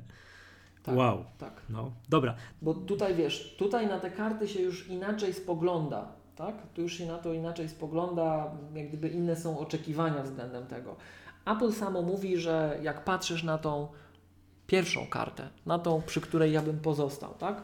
To Apple ją opisuje tak, że to jest moduł MPX o połowie wielkości typowej, tak, o tym zaraz może kilka słów, że ta karta jak gdyby charakteryzuje się wydajnością ponad 5,5 teraflopów operacji pojedynczej precyzji, e, posiada dwa porty e, HDMI 2.0 i pozwala na wykorzystanie czterech portów DisplayPort przepuszczonych przez płytę główną, dzięki temu, że to jest moduł MPX, tak? Więc Apple tak to określa. Z kolei jak weźmiemy tą wyższą kartę, do której dopłacamy e, dopłacamy, e, jak to wspomniałeś, 11, 11 nie, dopłacamy, tysięcy. Nie, do której, przepraszam, dopłacamy jednego MacBooka Pro 16 w podstawowej konfiguracji. Tak. Mniej więcej. Tam no plus minus kilkaset złotych, no. Ona z kolei ma już ponad 14 teraflopów operacji pojedynczej precyzji yy, i 20, ponad 28 teraflopów, teraflopów operacji tej mniejszej precyzji, tak? Więc, więc to się tak postrzega te karty. No ja patrzę inaczej. Czy mi ten monitor 6K pójdzie i czy tego VRAMu jest jakkolwiek wystarczająco. I to jest koniec mojego, moich rozważań. Mhm. Więc dla mnie ta dodatkowa wartość, wiesz, no, no nie, nie, nie jest to, dla mnie nie, ten skok nie byłby pewnie tu istotny, mhm. tak? E, no i już, teraz dochodzimy do ciekawego momentu, tak. bo pamięć masowa. To jest w tak? ogóle, pamięć powiem masowa. Ci, bardzo wesoło. No patrz, patrz, to jest jeden moment. Zakładam, że mogą być, bo ten komputer w podstawie ma tylko, to jest w ogóle mhm. niesamowite, 256 GB SSD. Mm, no, Czyli ma mniej niż tak. 16-calowy MacBook, o którym mówiliśmy przed chwilą. Tak, Pro. mniej niż iMac Pro, bo iMac Pro w podstawie też ma więcej. Zdecydowanie, ma terabajt. Tak. To zakładam, że są, mogą, a, że, a po pierwsze może to samemu zmieniać, tak, te, te, te SSD-ki gdzieś tam. To, to w sensie jest... można dokładać rozmaite rzeczy Tak i tak dalej. Mhm. mogą być zastosowania miło, że to wystarczy, że ktoś go kupuje, szafa serwerowa wstawia tak, 256. Tak, myślę, że, myślę, że tak. I on tam... Że podstawowy system sobie stawia na tym maleństwie, e, później coś liczy, ma dodatkowe dyski, jakieś macierze. Myślę, że tak. I to jest to, o czym mówiliśmy, że ten komputer jest bardzo elastyczny i ten komputer e, no jest modułowy. Tak? To są te dwie mhm. cechy. Więc ja bym pewnie dołożył co najmniej do terabajta w moim przypadku, a najchętniej minimum dwa. To, to już co nie, tak? To już są niewielkie pieniądze. Zaczyna być procent, to już, tak, procentowo. To, to, już jak kółeczka praktycznie. Tak, nie? tak. Nie, kółka to jest masz do wyboru. Albo jeden tera SSD, albo kółka. To dołóż tera SSD. Będziesz miał dwa, tak? tak? Dokładnie, dokładnie mhm. tak. E, z racji tego, że to jest komputer na dłużej, to już są naprawdę poważne pieniądze. Tak, zobacz, tu już jesteśmy ponad 50 tysięcy, jak jeszcze do tego doliczysz tę matrycę, to wchodzisz w 80 tysięcy zakres mhm. złotych. No to tutaj przy tego rodzaju komputerze, jak ja bym go kupował, to bym się, mając naprawdę dużo środków wolnych, zastanowiłbym się, czy jednak nie 4 terabajty. Aha, rozumiem. Ale to już jest tak, z mojej perspektywy, to już tak jest naprawdę tak na wyrost. Czyli minimalna tak? konfiguracja Miłosza 2 terabajty na razie, tak? To, to, dwa, to dwa, tak. No jeden bym przeżył, nie mówię, że nie, ale komfortowo bym się nie czuł z tą jedynką. Wolałbym dwa. Dobrze. Tak? I skądinąd zobacz, Michał. E, zdecydowanie wolę w takim komputerze dołożyć do pamięci masowej e, niż do tej karty graficznej. I to już też pewne rzeczy mm -hmm, pokazuje. Mm -hmm, tak? Jak ja podchodzę do tej maszyny i z jakich pułapów startujemy w określonych osiach. Mm -hmm, dobrze. Karta Apple Afterburner. Afterburner. E, no i ja w oczywisty sposób nie decyduje się na nią. Tak. tak? Mhm. Natomiast to, o czym mówiliśmy właśnie wcześniej, jestem sobie w stanie spokojnie wyobrazić osoby, które podchodzą do całego zagadnienia inaczej niż ja i wcale nie naciskają na ten wyższy procesor, zostają z ośmiordzeniowym podstawowym, ale koniecznie dokładają Afterburner. Mhm. Tak? Mm, Przypomnijmy. Że... od tego czasu, co nagrywaliśmy po raz pierwszy i tak dalej, zdążyłem jakiś test y, przeczytać, obejrzeć. Y, właśnie jakichś ludzi zajmujących się montażem wideo, jakieś tam, mhm. wiesz, ilość coś, ilość streamów 4K jednocześnie, jakaś po prostu niesamowity odjazd i oni pokazali to, że ten Afterburner po prostu pstryk i zrobił mega robotę. Przyznam się szczerze, że no, no muszę się tutaj bazować na czymś takim, po prostu nie mam, no, zakładam, że że to po prostu tacy ludzie, którzy, no tak, jak wiesz, do, do czego ci ten Afterburner jest potrzebny, znaczy, że musisz go kupić, o może tak. Dokładnie tak. No. I, i, I właśnie jeszcze raz podkreślmy, też y, słuchacze postaramy się podlinkować gdzieś tam w y, notatkach do audycji do takich testów właśnie YouTube, YouTuberów, mhm. tak, którzy pokazywali, że nawet podstawowy e, Mac Pro z 8-rdzeniowym procesorem, jak mu dołożymy Afterburner, on przy kwestiach związanych z Pro Video, przy dekodowaniu tych strumieni ProRes, ProRes RAW, e, to on wyręcza procesor bardzo ładnie, tak? Przypomnijmy w ogóle może, co to jest ten Afterburner. Mm. Afterburner to jest e, mm, tak zwany programowalny ASIC, a ASIC z kolei to jest Application Specific e, Integrated Circuit, czyli taki układ specjalizowany, który jest zaprogramowany pod konkretne zastosowanie, tak?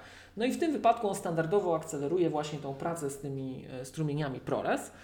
E, Apple powiedziało, że będzie go można rekonfigurować, tak? Więc na chwilę obecną e, Afterburner jest do wykorzystania w takich programach jak Final Cut Pro 10 albo DaVinci Resolve albo Adobe Premiere z tym drobnym zastrzeżeniem, że na dzień dzisiejszy tylko Final Cut Pro 10 obsługuje load balancing y, pomiędzy Afterburner a CPU. Tak? Mhm. Te pozostałe programy nie. Natomiast Final Cut y, Pro 10 już tak. No i tak, żeby trochę powiedzieć, co on pozwala zrobić, pozwala równocześnie odtwarzać 6 strumieni 8K. O Boże. Tak? Mhm. 8K. E, ProRes RAW 30 klatek na sekundę albo 23 strumienie naraz 4K ProRes RAW 30 klatek na sekundę, e, no albo 16 strumieni 4K ProRes 422 30 klatek na sekundę. I odciąża procesor główny, więc ten procesor główny po prostu może nie być w konkretnych zastosowaniach aż taki wymagany. E, no, pozostaje czekać na to, aż zobaczymy kolejne zastosowania dla Afterburner, bo jest to coś, co jest naprawdę e, no, Dobrze. Mi, mi... Ciśnie mi się na usta impressive, ale mamy poprawnie po polsku, bo później na nas krzyczą w komentarzach. Imponujące. Yy, tak, tak. Tak, może za nie mówiłem, powiem ci. A powiem tam takie Drodzy pytanie. słuchacze, pozwolicie, że nie będziemy tłumaczyć Afterburner na polski, dobrze? A powiedz mi, czy tego późno spalającego się yy, to można dokupić? Bo tak jak co RAM można. Można. Też będzie, czyli można dokupić. Czy, tak, czy można w razie czego później, Apple tak? czy Apple.pl można dokupić. Tak jest. To jest karta y, PCI, to jest zwykła karta PCI. Mm. Y, to nie jest moduł MPX jako taki, jest to karta PCI Express na pojedynczym slocie, można to dokupić. Okej. Okay. Czyli ktoś jak sobie zda sprawę po roku używania, że teraz że jednak by chciał, to może sobie to yy, dokupić. Tak. Dobra, nie kupujesz tego na razie, tak? Znaczy nie, nie, nie masz tak. ja nie, ja nie, ja nie. Dobra, jedziemy dalej. Dochodzimy do najbardziej ekscytującego fragmentu całego konfiguratora. yy, no wiadomo, takie nóżki. Cała reszta jest nieważna, tak. To jest właśnie do wyboru. Jeden, jeden czy dwa terabajty SSD, czy nóżki. No to rozumiem, że wybrałeś dwa terabajty SSD, zrezygnowałeś z nóżek. Co te nóżki muszą mieć, że kosztują 1920 zł, to naprawdę nie wiem. Wiesz, może to są po prostu takie nóżki, na których chcesz znaczy, polegać, jak 60 tysięcy złotych się na nich, e, Wozi, tak, te kółka, te, te na nich turla, tak? Bo jak kółka, sobie dorobisz, a to się wywróci, to może być drożej. Mhm, Okej. Okay. Czyli no kółka, no, no tak, tak, tak, tak, tak. Mm. One są po to, że jak już wiesz, te trzy wiatraki tam ruszą, żeby ten Mac Pro będzie mógł jeździć po pokoju. do całe chłodzenie. Yy, myszki Magic Trackpady masz, nie dobieramy nic. Wiesz co, ja pewnie jakbym kupował. E, ha, no ja mam. No. To tu, o właśnie, bo e, ostatnio gdzieś wyczytałem w komentarzach, że ja nie narzekam w ogóle. U mnie się wszystko podoba. To chciałem ponarzekać. Chciałem Jedziesz. ponarzekać. Nie podoba mnie się to, że e, dostajemy z tym komputerem, zresztą podobnie jak z iMaciem Pro, tylko i wyłącznie szerszą klawiaturę, która ma szerszy comment i option i ja nie potrafię na tym pisać bezwzrokowo. No mhm. strasznie mi się to nie podoba, to jest pierwsza rzecz, która mi się bardzo, bardzo, bardzo, bardzo nie podoba w tym komputerze, a druga rzecz, która mi się bardzo, bardzo, bardzo nie podoba, to to, że nawet jakbym chciał zalać temat pieniądzem i dopłacić za klawiaturę pod kolor, to Apple takich nie robi i ze swoim iMaciem Pro, a w przyszłości pewnie ze swoim Maciem Pro muszę używać białej klawiatury. Przy czarnej myszce, przy czarnym gładziku, białą klawiaturę. No skandal, no. Aha, nie ma krótkiej, białej, y, czarnej klawiatury, prawda? Nie ma. A to w ogóle jest trzeci rodzaj, nie? Także to jest klawiatury. Tak, tu w ogóle srebrna jest. Se tak. Trochę jak w komputerach, tak? Srebrna podstawa i czarne klawisze, tak? No, to już tam mhm, szczegół, mm -hmm. prawda? E, fakt, nie ma krótkiej czarnej klawiatury. Nie ma. Nie ma. Mm, dokładnie. No jak? Jak żyć? Jak żyć? No i to jest przyczyna, dla którego właśnie wiesz nie da rady. 65 tysięcy trzeba z koszyka wyrzucić i ten. Dobrze, miło, 65 439 zł. Zapamiętuję te, te, no, tę wartość. Czekaj, czekaj, to co myśmy tu dodali? Jak ty te 65 wyklikałeś? No nie, a czy, czy mam ci dodać ten Magic Mouse, gładzik, coś tam? Nie no, już ja dodałem, ale a, mam mniej, więc no to mam się musieliśmy 66 158. Czekaj, ja mam 16-rdzeniowy procesor. Tak. 192 GB RAMu. Tak, podstawa. Kartę mam podstawową. 2 tera SSD. O Jezu. A to ja już nawet 4 dodałem. Przepraszam, Afterburnera ci upchnąłem, myślałem, że nie zauważysz. A to nie, to no, bez. Dobra, to bez. bez. To bez. 2 tera SSD, bez Afterburnera, bez kółeczek, czy taka zabiedzona wersja, 56 tysięcy. Ale gładzik dodajmy. Gładzik tak, 56 558. No i teraz gwóźdź programu, yy, nie, gwoździem to były ten, tak.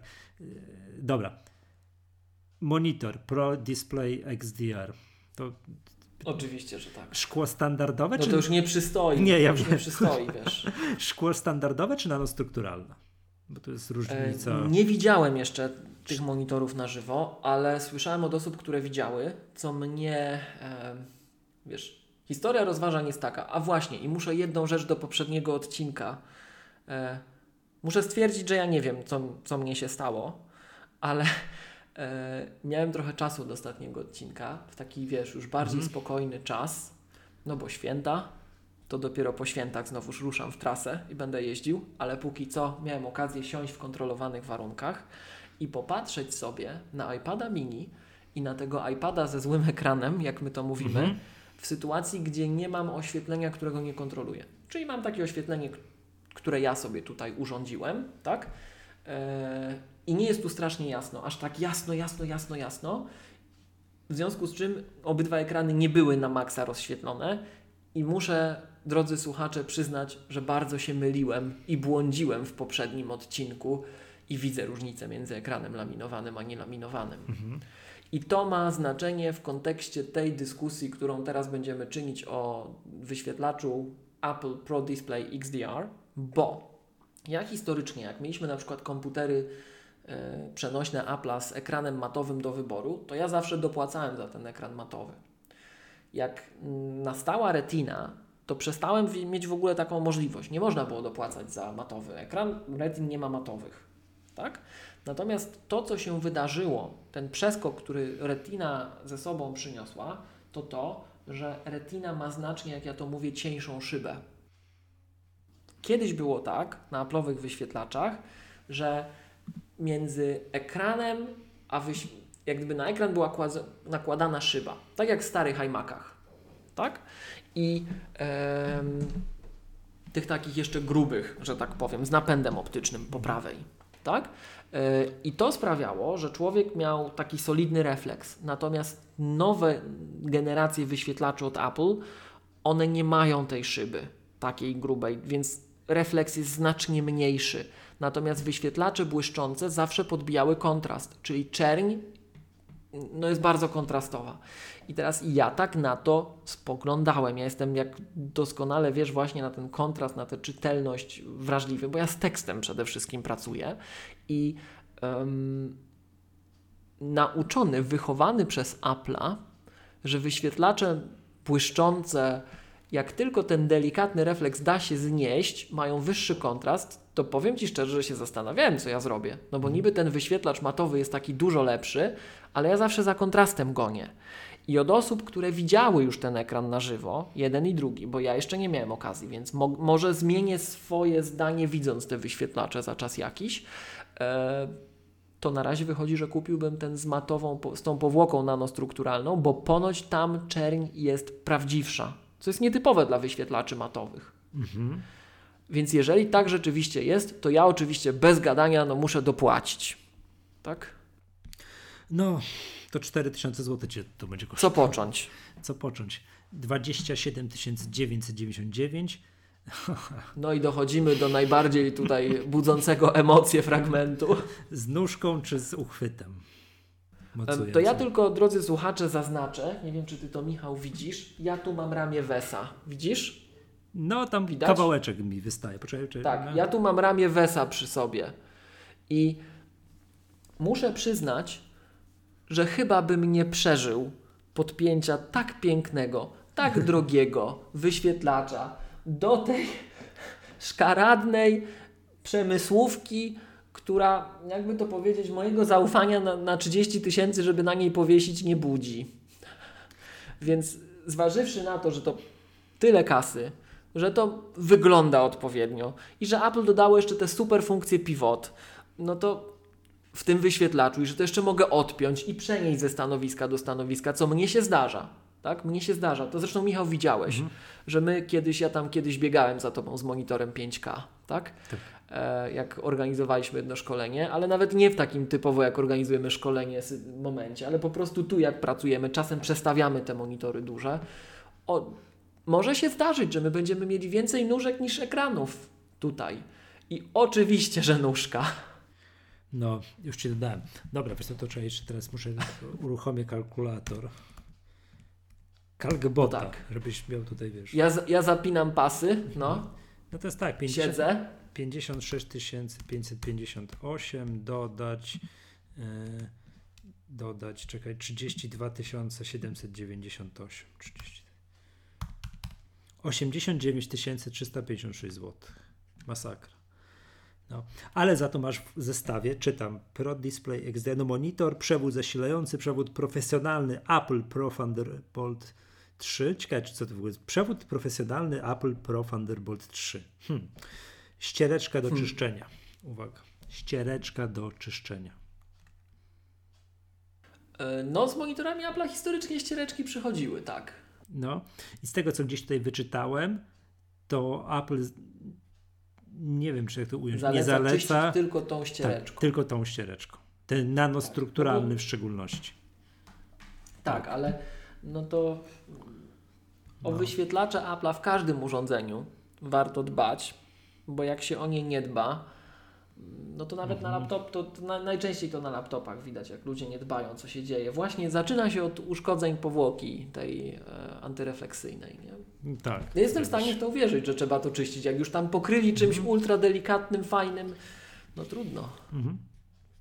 Dobrze, jeszcze mam takie pytanie, bo ten komputer, jak tutaj wielokrotnie podkreśliliśmy, ładnie go można rozciągać, a także przez lata mhm. rozbu rozbudowywać. Powiedz mi, bo tak, bo tak. Y, śmietniczka się tak nie dała rozbudowywać, tak? Ale ten poprzednia... Tam ram sera, można było wymienić. Tak? Aha, tak. Poprzednia śmietniczka, poprzednia tarka do sera była właśnie taka rozbudowywalna i tak dalej. Czy ty mhm. mając, nie wiem, znajomych, klientów, jakieś tam, wiesz, komputery w zasięgu, widziałeś, że ludzie tak robili, kupowali, tam, wiesz, mijało Oczywiście. Te, w ten sposób Oczywiście. właśnie z czasem e, te tak, sprzęty, jak wyszedł wiesz. Mojave, mhm. jak wyszedł Mojave, kilka, jeśli nie kilkanaście Maców Pro, rozbudowywałem o karty firm trzecich po to, żeby Mojave mógł na nich działać, bo te komputery są cały czas w użyciu. Jak najbardziej. I znam co najmniej dwie osoby, które będą się przesiadały na Maca Pro właśnie Starki. Mhm, bo już tamten już koniec, już co by się nie dało, nie w sensie, dało Tak, to już jest zamówione, te komputery już jadą i będzie tarka zastępowana. Tak. Mhm. Więc te komputery służyły w jednym, w, jednym, w jednym z tych dwóch przypadków komputer służył chyba 12 lat, bo to nie z pierwszej tarki się przesiadano. Tak? Mhm. Chyba albo 11, a w drugim, w drugim rzeczywiście 9, także. Okay. Także tak, te komputery są, no to się kupuje na długo. To się kupuje na długo. Tak. Mhm. Super, dobra, no to o to mi chodziło. Okej, okay, dobrze, to, to no i wiesz, to, dobra, już, już jakby tu ostatni głos dyskusji chciałem w ogóle już wiesz, o nietechnicznych rzeczach powiedzieć, nie? To jak ten komputer wygląda, o wyglądzie, o designie, to jak to wszystko, mhm. wiesz, pachnie, tak z zewnątrz, no okiem laika, co tu dużo mówić, ja tam, wiesz, no nie znam się aż na tyle, to wygląda to obłędnie. Jak to wszystko jest mhm. zrobione, jest zaprojektowane. Tak, to, tak. Jak to jest pomyślane? Oczywiście, że tak. Oczywiście, to wiesz. Niesamowite. To jest naprawdę widać, że komputer, który, nad którym dużo myślano, tak? Mhm. E, jak on ma być rozplanowany w środku, jak ma być łatwa rozbudowa o wiele rzeczy. Nawet wiesz, to co mnie zachwyca, naprawdę mnie to zachwyca, tak? E, może ktoś powie, że to taki specyficzny mam powód do zachwytu, ale to, że oni wbudowali ten wewnętrzny USB, tak? Żebyś mhm. w środku w komputerze mógł sobie te klucze sprzętowe na przykład do Archicada zapiąć, tak? Tak. Zap, zapinasz, zamykasz, nie wiem czy widziałeś, jest jako akcesorium do nowego Maca Pro sprzedawany taki specjalny zamek. Taka nie. jakby, no nie wiem jak to nazwać, kłódka. Jak sobie otworzysz Apple.com, um, czekaj, czekaj, jak sobie otworzymy Apple.com, wejdziemy w Maca, mamy no. te komponenty, to się nazywa przejściówka Belkin do blokady Maca Pro. Gdzie tak? ty to widzisz? co, co, co, trzeba e, kliknąć? Akcesoria? Wchodzisz do sklepu i wchodzisz komponenty do Maca. Co swoją drogą historycznie w końcu wróciła taka kategoria, tak? Czyli klikamy sobie Mac, akcesoria i w akcesoriach do Maca wybieramy kategorię produktową komponenty do Maca. O, faktycznie. I tam możesz dokupić Afterburner, możesz dokupić na przykład kolejną podstawkę ProStand, E, ale czy magnetyczną kamerę internetową 4K do nowe, zaprojektowaną z myślą o nowym wyświetlaczu. Ale właśnie masz tą przejściówkę Belkin blokującą komputer, żeby nie można go było otworzyć. Czyli takie nawet drobne rzeczy. Wkładasz ten klucz sprzętowy, który kosztuje dziesiątki tysięcy złotych. Ten pendrive jest warty gdzieś, ta licencja jest warta pewnie połowę tego komputera. Wkładasz, zamykasz, nie, nikt ci nie zabierze, ale przede wszystkim nie wystajesz karactwo. Takie małe rzeczy. No, no, no, mnie, ja naprawdę widziałem tyle tych maków prostymi kluczami, że ludzie na to patrzyli, bo to, to kosztowało tyle, co ten komputer. A teraz ładnie zamykasz, pięknie w środku. Widać, że pomyśleli. No to jest ukłon taki przytyczek, tak nawet to. Pendrive nie wisi ci z tyłu i go sprzątaczka nie trącisz. Wiadomo, tak? To jest... Faktycznie, jest, jest takie coś. Zgadza się. E, można dyski mechaniczne włożyć do środka, bo też wiele osób o to pytało i to jest zarówno dostępna taka pojedyncza obudowa, jak i rozwiązanie rajdowe jako moduł MPX, które można włożyć do środka, więc naprawdę jest to fajnie zrobione. Widać, że jest to przemyślane i że na dzień startu Apple zapewniło nie tylko swoje produkty, ale właśnie też produkty od, ze strony partnerów, chociażby te rozwiązania Promise. Także bardzo, bardzo, bardzo fajna rzecz, taka, która pokazuje, że jeszcze Mac nie zginął. Mhm. Jest taki produkt, testowałem się do czego to służy, zestaw mhm. Belkin mhm. z pomocniczymi przewodami zasilania dla Maca Pro, 279 zł. To gdybyś chciał zamontować kartę graficzną, która nie jest naszą kartą graficzną, nie jest typowo modułem MPX, który dostarcza więcej prądu i chciałby się osobno zasilać, bo ta karta ma na przykład odpowiednie wymogi. To nie wiem, czy widziałeś, już na przykład się zastanawiali e, użytkownicy, którzy mają już te komputery, e, no bo zobacz, zobacz mhm. nawet jak, jak, jak przytaczałem, jak Apple opisuje te karty graficzne. Apple nie patrzy na karty graficzne do gier. Apple patrzy na karty graficzne pod kątem akceleracji e, procesów obliczeniowych. Czyli jak na przykład mamy Infinity Fabric Link, i specjalny, i specjalny jeszcze moduł łączący te, dwa, te, te, te dwie karty Vega 2 Duo. Apple to podkreśla, że karty są ze sobą łączone dedykowanymi e, kanałami, a całe połączenie PCI jest wykorzystywane do tego, żeby to, co że GPU między sobą kontaktują się przez dedykowany kanał, nie przez płytę główną, a komunikacja GPU już z płytą główną, czyli CPU z resztą komputera, odbywa się po PCI Express. Takie rzeczy. I teraz wracając do tematu. Dlaczego przy okazji tych kabelków? Mhm. Bo Apple patrzy na te karty graficzne, te GPU, jako akceleratory. To, co mówiliśmy, że na przykład Final Cut Pro 10 w tej chwili jako jedyna aplikacja wspiera load balancing między e, GPU a CPU, czyli wykorzystuje to, o czym powiedziałem przed dwa zdania wcześniej. Natomiast gdybyś chciał sobie pograć, po prostu chciałbyś sobie pograć na tym komputerze, no to już byli e, goście, którzy włożyli do tego Maca Pro jeśli dobrze pamiętam, e, kartę Nvidia tego GTX 2080 i pod bootcampem patrzyli, czy da się na tym grać. Da się na tym grać, ale wtedy, że z racji tego, że ta karta ma dodatkowe wymagania na prąd, zapotrzebowanie, to kupujesz taki zestaw kabli i sobie to podpinasz. Okay. Bo to nie jest moduł MPX, który będzie zasilany dedykowanymi w płycie głównej Maca Pro kanałami do tego. O, Dobra. Uff, dobrze. To, to, to, to, ja tyle. Faktycznie nie widziałem tego, tej sekcji w tym, ale jest, jest, jest, jest, jest, jest. Kamery internetowe. No tak, przecież ten monitor za 28 tysięcy złotych nie ma kamerki. No nie ma. No nie ma. Może dlatego, że tam tak ciepło jest w środku, ale to chociaż można upgrade'ować łatwo. Yy, będę złośliwy. Ciekawy, czy się będzie kurzył. To też jest dobre pytanie. No tak. No, no tak. No to... Monitory Apple'a nie miały historycznie z tym problemów. Mhm. Mhm. A twój iMac Pro się kurzy, czy nie zaobserwowałeś jeszcze? No ja to już mówiłem dawno temu, że mój iMac Pro bardzo, bardzo, bardzo delikatnie, ale trochę kurzu złapał. No, ja mam komputer, który ma dwa lata. Mhm. E, przy czym przyznam szczerze, mnie tego komputera, mnie to tak bardzo nie przeszkadza. Jest to bardzo delikatne że jak ja mam ten komputer gdzieś wysyłać kurierem do serwisu na przykład, no wiem, to, to, to, to dla mnie to... Ja mam na tym komputerze jeszcze ponad rok Apple Care, więc może, e, może się skuszę kiedyś na taką wizytę w serwisie, ale jest to tak delikatny efekt u mnie, że nie. No rozumiem. Dobrze, już wiem, co chciałem powiedzieć. Już ostatnia rzecz, jakby Żyję odnośnie designu, rozwiązań i tak dalej. Mhm. Ten y, monitor do tej podstawki, tudzież mhm. do tego uchwytu mocującego WESA jest mocowany magnetycznie. Tak. To jest też dla mnie powiedział, tak jak zacząłem, to jak to? Na tym cały bajer polega komputer, właśnie, tak, że możesz komputer, go przenosić łatwo. Tak, za miliony monet jest, wiesz, jak widziałem no, jakiś filmik, jak dwóch ludzi bierze go tak, to zbliża, zbliża, pyk i pyk. złapał puszczają i tak widać było, że oni puszczają tak, nie, że to jest niemożliwe, że on się utrzyma i że wszystko, i, i że wszystko jest, trzyma się i, i tak dalej, tak? Także... I dlatego to tyle kosztuje, bo jest to tak proste, ma pivot, no, no jest, no super, tak? I teraz mhm. rzeczywiście jak musisz przenosić taki sprzęt, jest to super. No tak. to, ale przynajmniej szczerze, jak to zobaczyłem, po prostu nie mogę mu uwierzyć, nie? Że, jak na magnes tyle pieniędzy, no ale no, tak. no, skoro tak, to tak. Nie?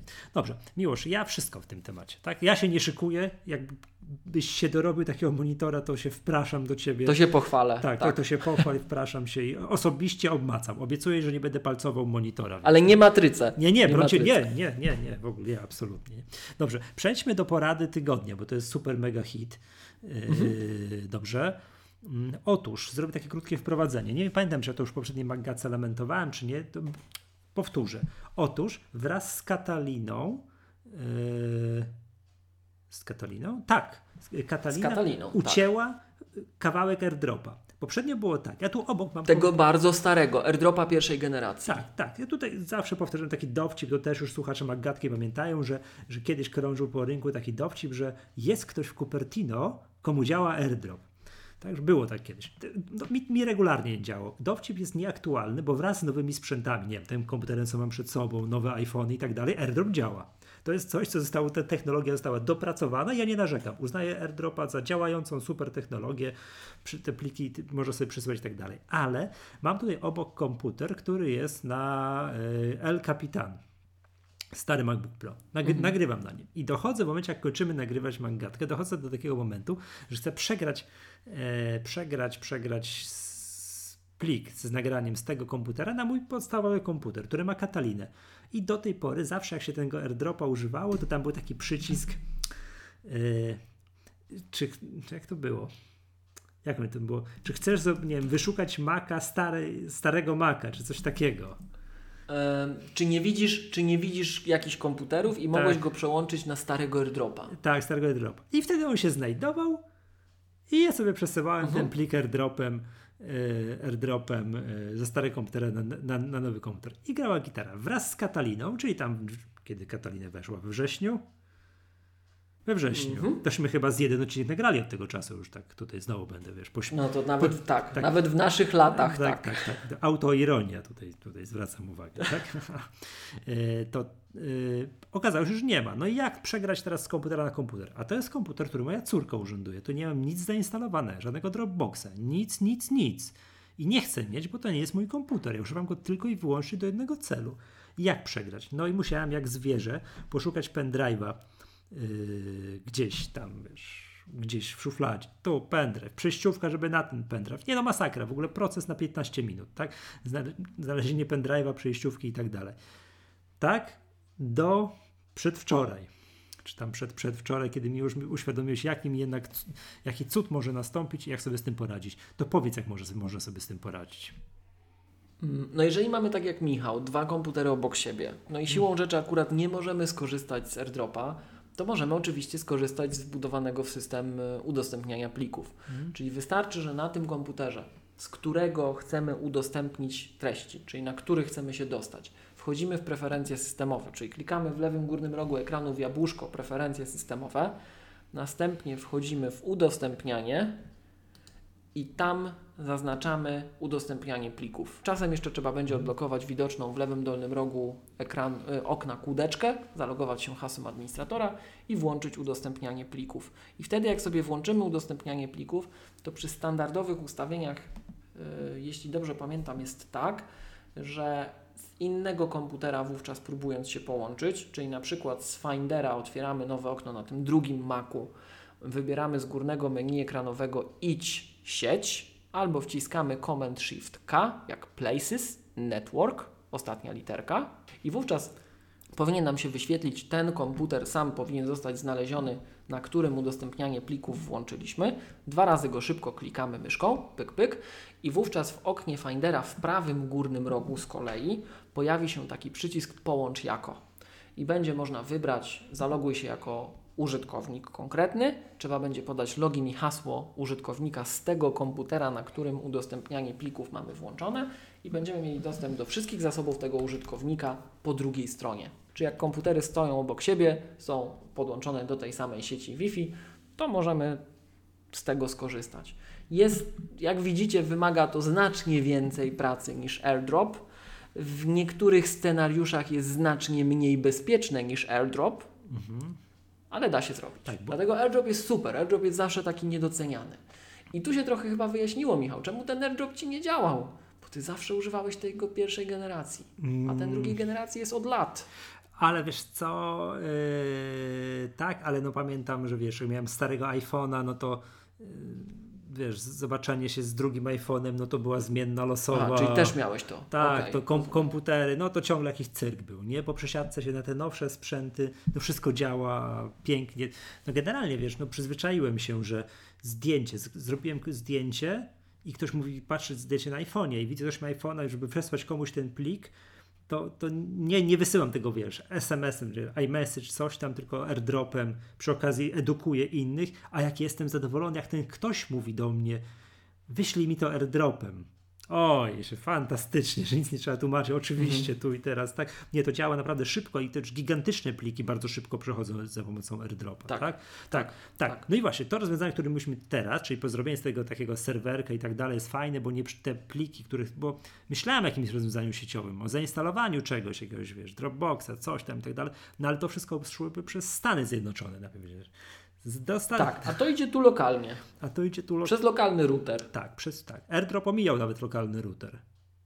Tak, tu... AirDrop, AirDrop nie korzysta z routera, to jest point to point, tak, więc jest jeszcze lepiej. Jeszcze tak, a to ten Ale no, to już pal licho ten router. To, że nie muszę nurkować po tego pendrive'a, o matko, gdzie on jest, wiesz, my tak rzadko nagrywamy magatkę, że ja zdążę zgubić tego pendrive'a, że, że od ostatniego nagrania i tak dalej, no to jest zawsze, wiesz, procedura, proces. A teraz cyk jest.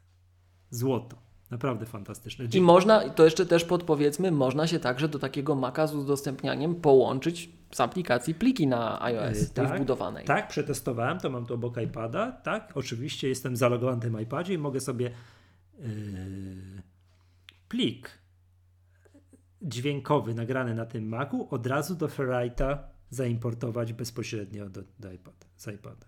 Tak jest, tak jest. Tak. To tak. Czy z tego Ferrite'a później wyeksportować. Tak, tak, jest. Albo z naszego ulubionego Downcasta, słuchajcie, do i z Downcasta można bezpośrednio na komputer po sieci. Hmm? Złoto. Naprawdę złoto. Fantastycznie to działa. Nie no to ur, ur, ratuje mi to tutaj, wiesz, znowu się czuję jak wiesz, jak yy, w 2019 roku, a nie, że o matko boska, pendrive. Nie, nie, nie. Przecież patrzmy już, chodzą plotki już o iPhone'ie bez złączy.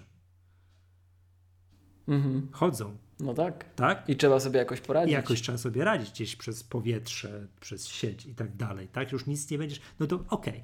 ale to jesteśmy w miarę przyzwyczajeni, że nie podpinamy do sprzętów iOS niczego. Tak, tutaj natomiast przypomnę. Chociaż już można, paradoksalnie. Paradoksalnie już można. Yy, z kolei przypomnijmy, jaki był lament, ile to lat temu? Te cztery? Czy kiedy to już te MacBooki Pro w nowej budzie wyszły? 3-4 lata temu? 4. 2016. Tak. Jakiś był lament, gdzie jest moje, wiesz, myszki za 80 zł nie da rady podpiąć po złączu USB, nie? To I to też widać właśnie, że jak teraz wyszedł, wyszedł ten nowy komputer, 16, to zobacz, tak znowuż się tam próbowano różnych rzeczy czepiać, ale jakoś już nikt się nie czepia tego Thunderbolta. To no. już jest zastane, nie? I co, jaką magię my wykorzystujemy, że my te monitory 6K możemy podpiąć? A no właśnie te. Tak, to po Thunderbolcie. Dokładnie, więc jakby wiesz, jakby tendencja jest przez sieć, przez to wszystko przesyłać. Jak ja nagle musiałem sięgnąć do szuflady po pendrive'a, przejściówkę, coś tam, nie, to po prostu jakieś, wiesz, jak, jak zwierzę po prostu, wiesz, jak coś w 2010 roku bym robił, a teraz w końcu mogę, wiesz, cyk, cyk, połączyć się, nie no, złoto, fantastycznie fantastycznie to działa. Dobrze, to polecamy. Zróbcie sobie takie coś, w szczególności jak macie już jakiś taki stary sprzęt, do którego już nie można się airdropem dostać. A wiem, że moje takie narzekanie na brak airdropa, tego starego airdropa w Katalinie, nie jest odosobnionym narzekaniem. Widziałem takie mhm. narzekania w sieci, więc można sobie próbować sobie to w ten sposób radzić. Fajnie. Dzie dobra, dzięki serdeczne. Dobrze, już to mową pochwalną na, na, na temat y, o udostępnianiu plików proponuję uroczyście zakończyć odcinek. E, tak. Wszystkiego dobrego słuchacza w nowym roku. Już nie życzymy wesołych świąt, bo zanim się to opublikuje, to będzie już dawno po świętach. Wszystkiego dobrego w nowym. Tak, no mam nadzieję, że znaleźliście no może nie ma Capro pod choinką, ale coś, co, co, coś fajnego. Ale jakiś produkt Apple'a. Tak, tak, jakiś produkt Apple'a. Choćby futerał. No. uchwyt Wesa. Albo przejściówkę. Ty uchwyt Wesa do monitora. yy, tak. to wtedy już sobie jest pretekst, żeby kupić monitor. Mhm. I taki, przepraszam, dowcip a propos prezentów na święte i tak dalej, krążył na forach triatlonowych z kolei. Yy, krążył taki. Żona dzwoni do męża, który długo nie wraca z zakupów. Gdzie jesteś? A on do niej mówi tak. Pamiętasz, jak 15 lat temu byliśmy u takiego jubilera i ty oglądałeś strasznie piękny, ale strasznie drogi pierścionek. I ja wtedy mówiłem, yy, że mnie na niego nie stać, ale przyjdzie kiedyś taki dzień, że będzie mnie na niego stać. A żona przez telefon, tak, pamiętam, pamiętam, łzy w oczach. A on mówi tak, to jestem w rowerowym obok tego jubilera. no, to jest, to jest w ogóle podobne, o tym Macu Pro można będzie takie podobne dowcipy opowiadać, nie? Dobrze. Y, gorąco pozdrawiamy i przypominamy, że partnerem tego podcastu jest firma Wózki Widłowe Lifter. No i cóż, no, do zobaczenia następnym, do usłyszenia następnym razem. To była Magatka, podcast serwisu MyApple. Ja nazywam się Michał Masłowski. Z tej strony Miłosz Staszewski z K7. Cześć. Cześć i do usłyszenia.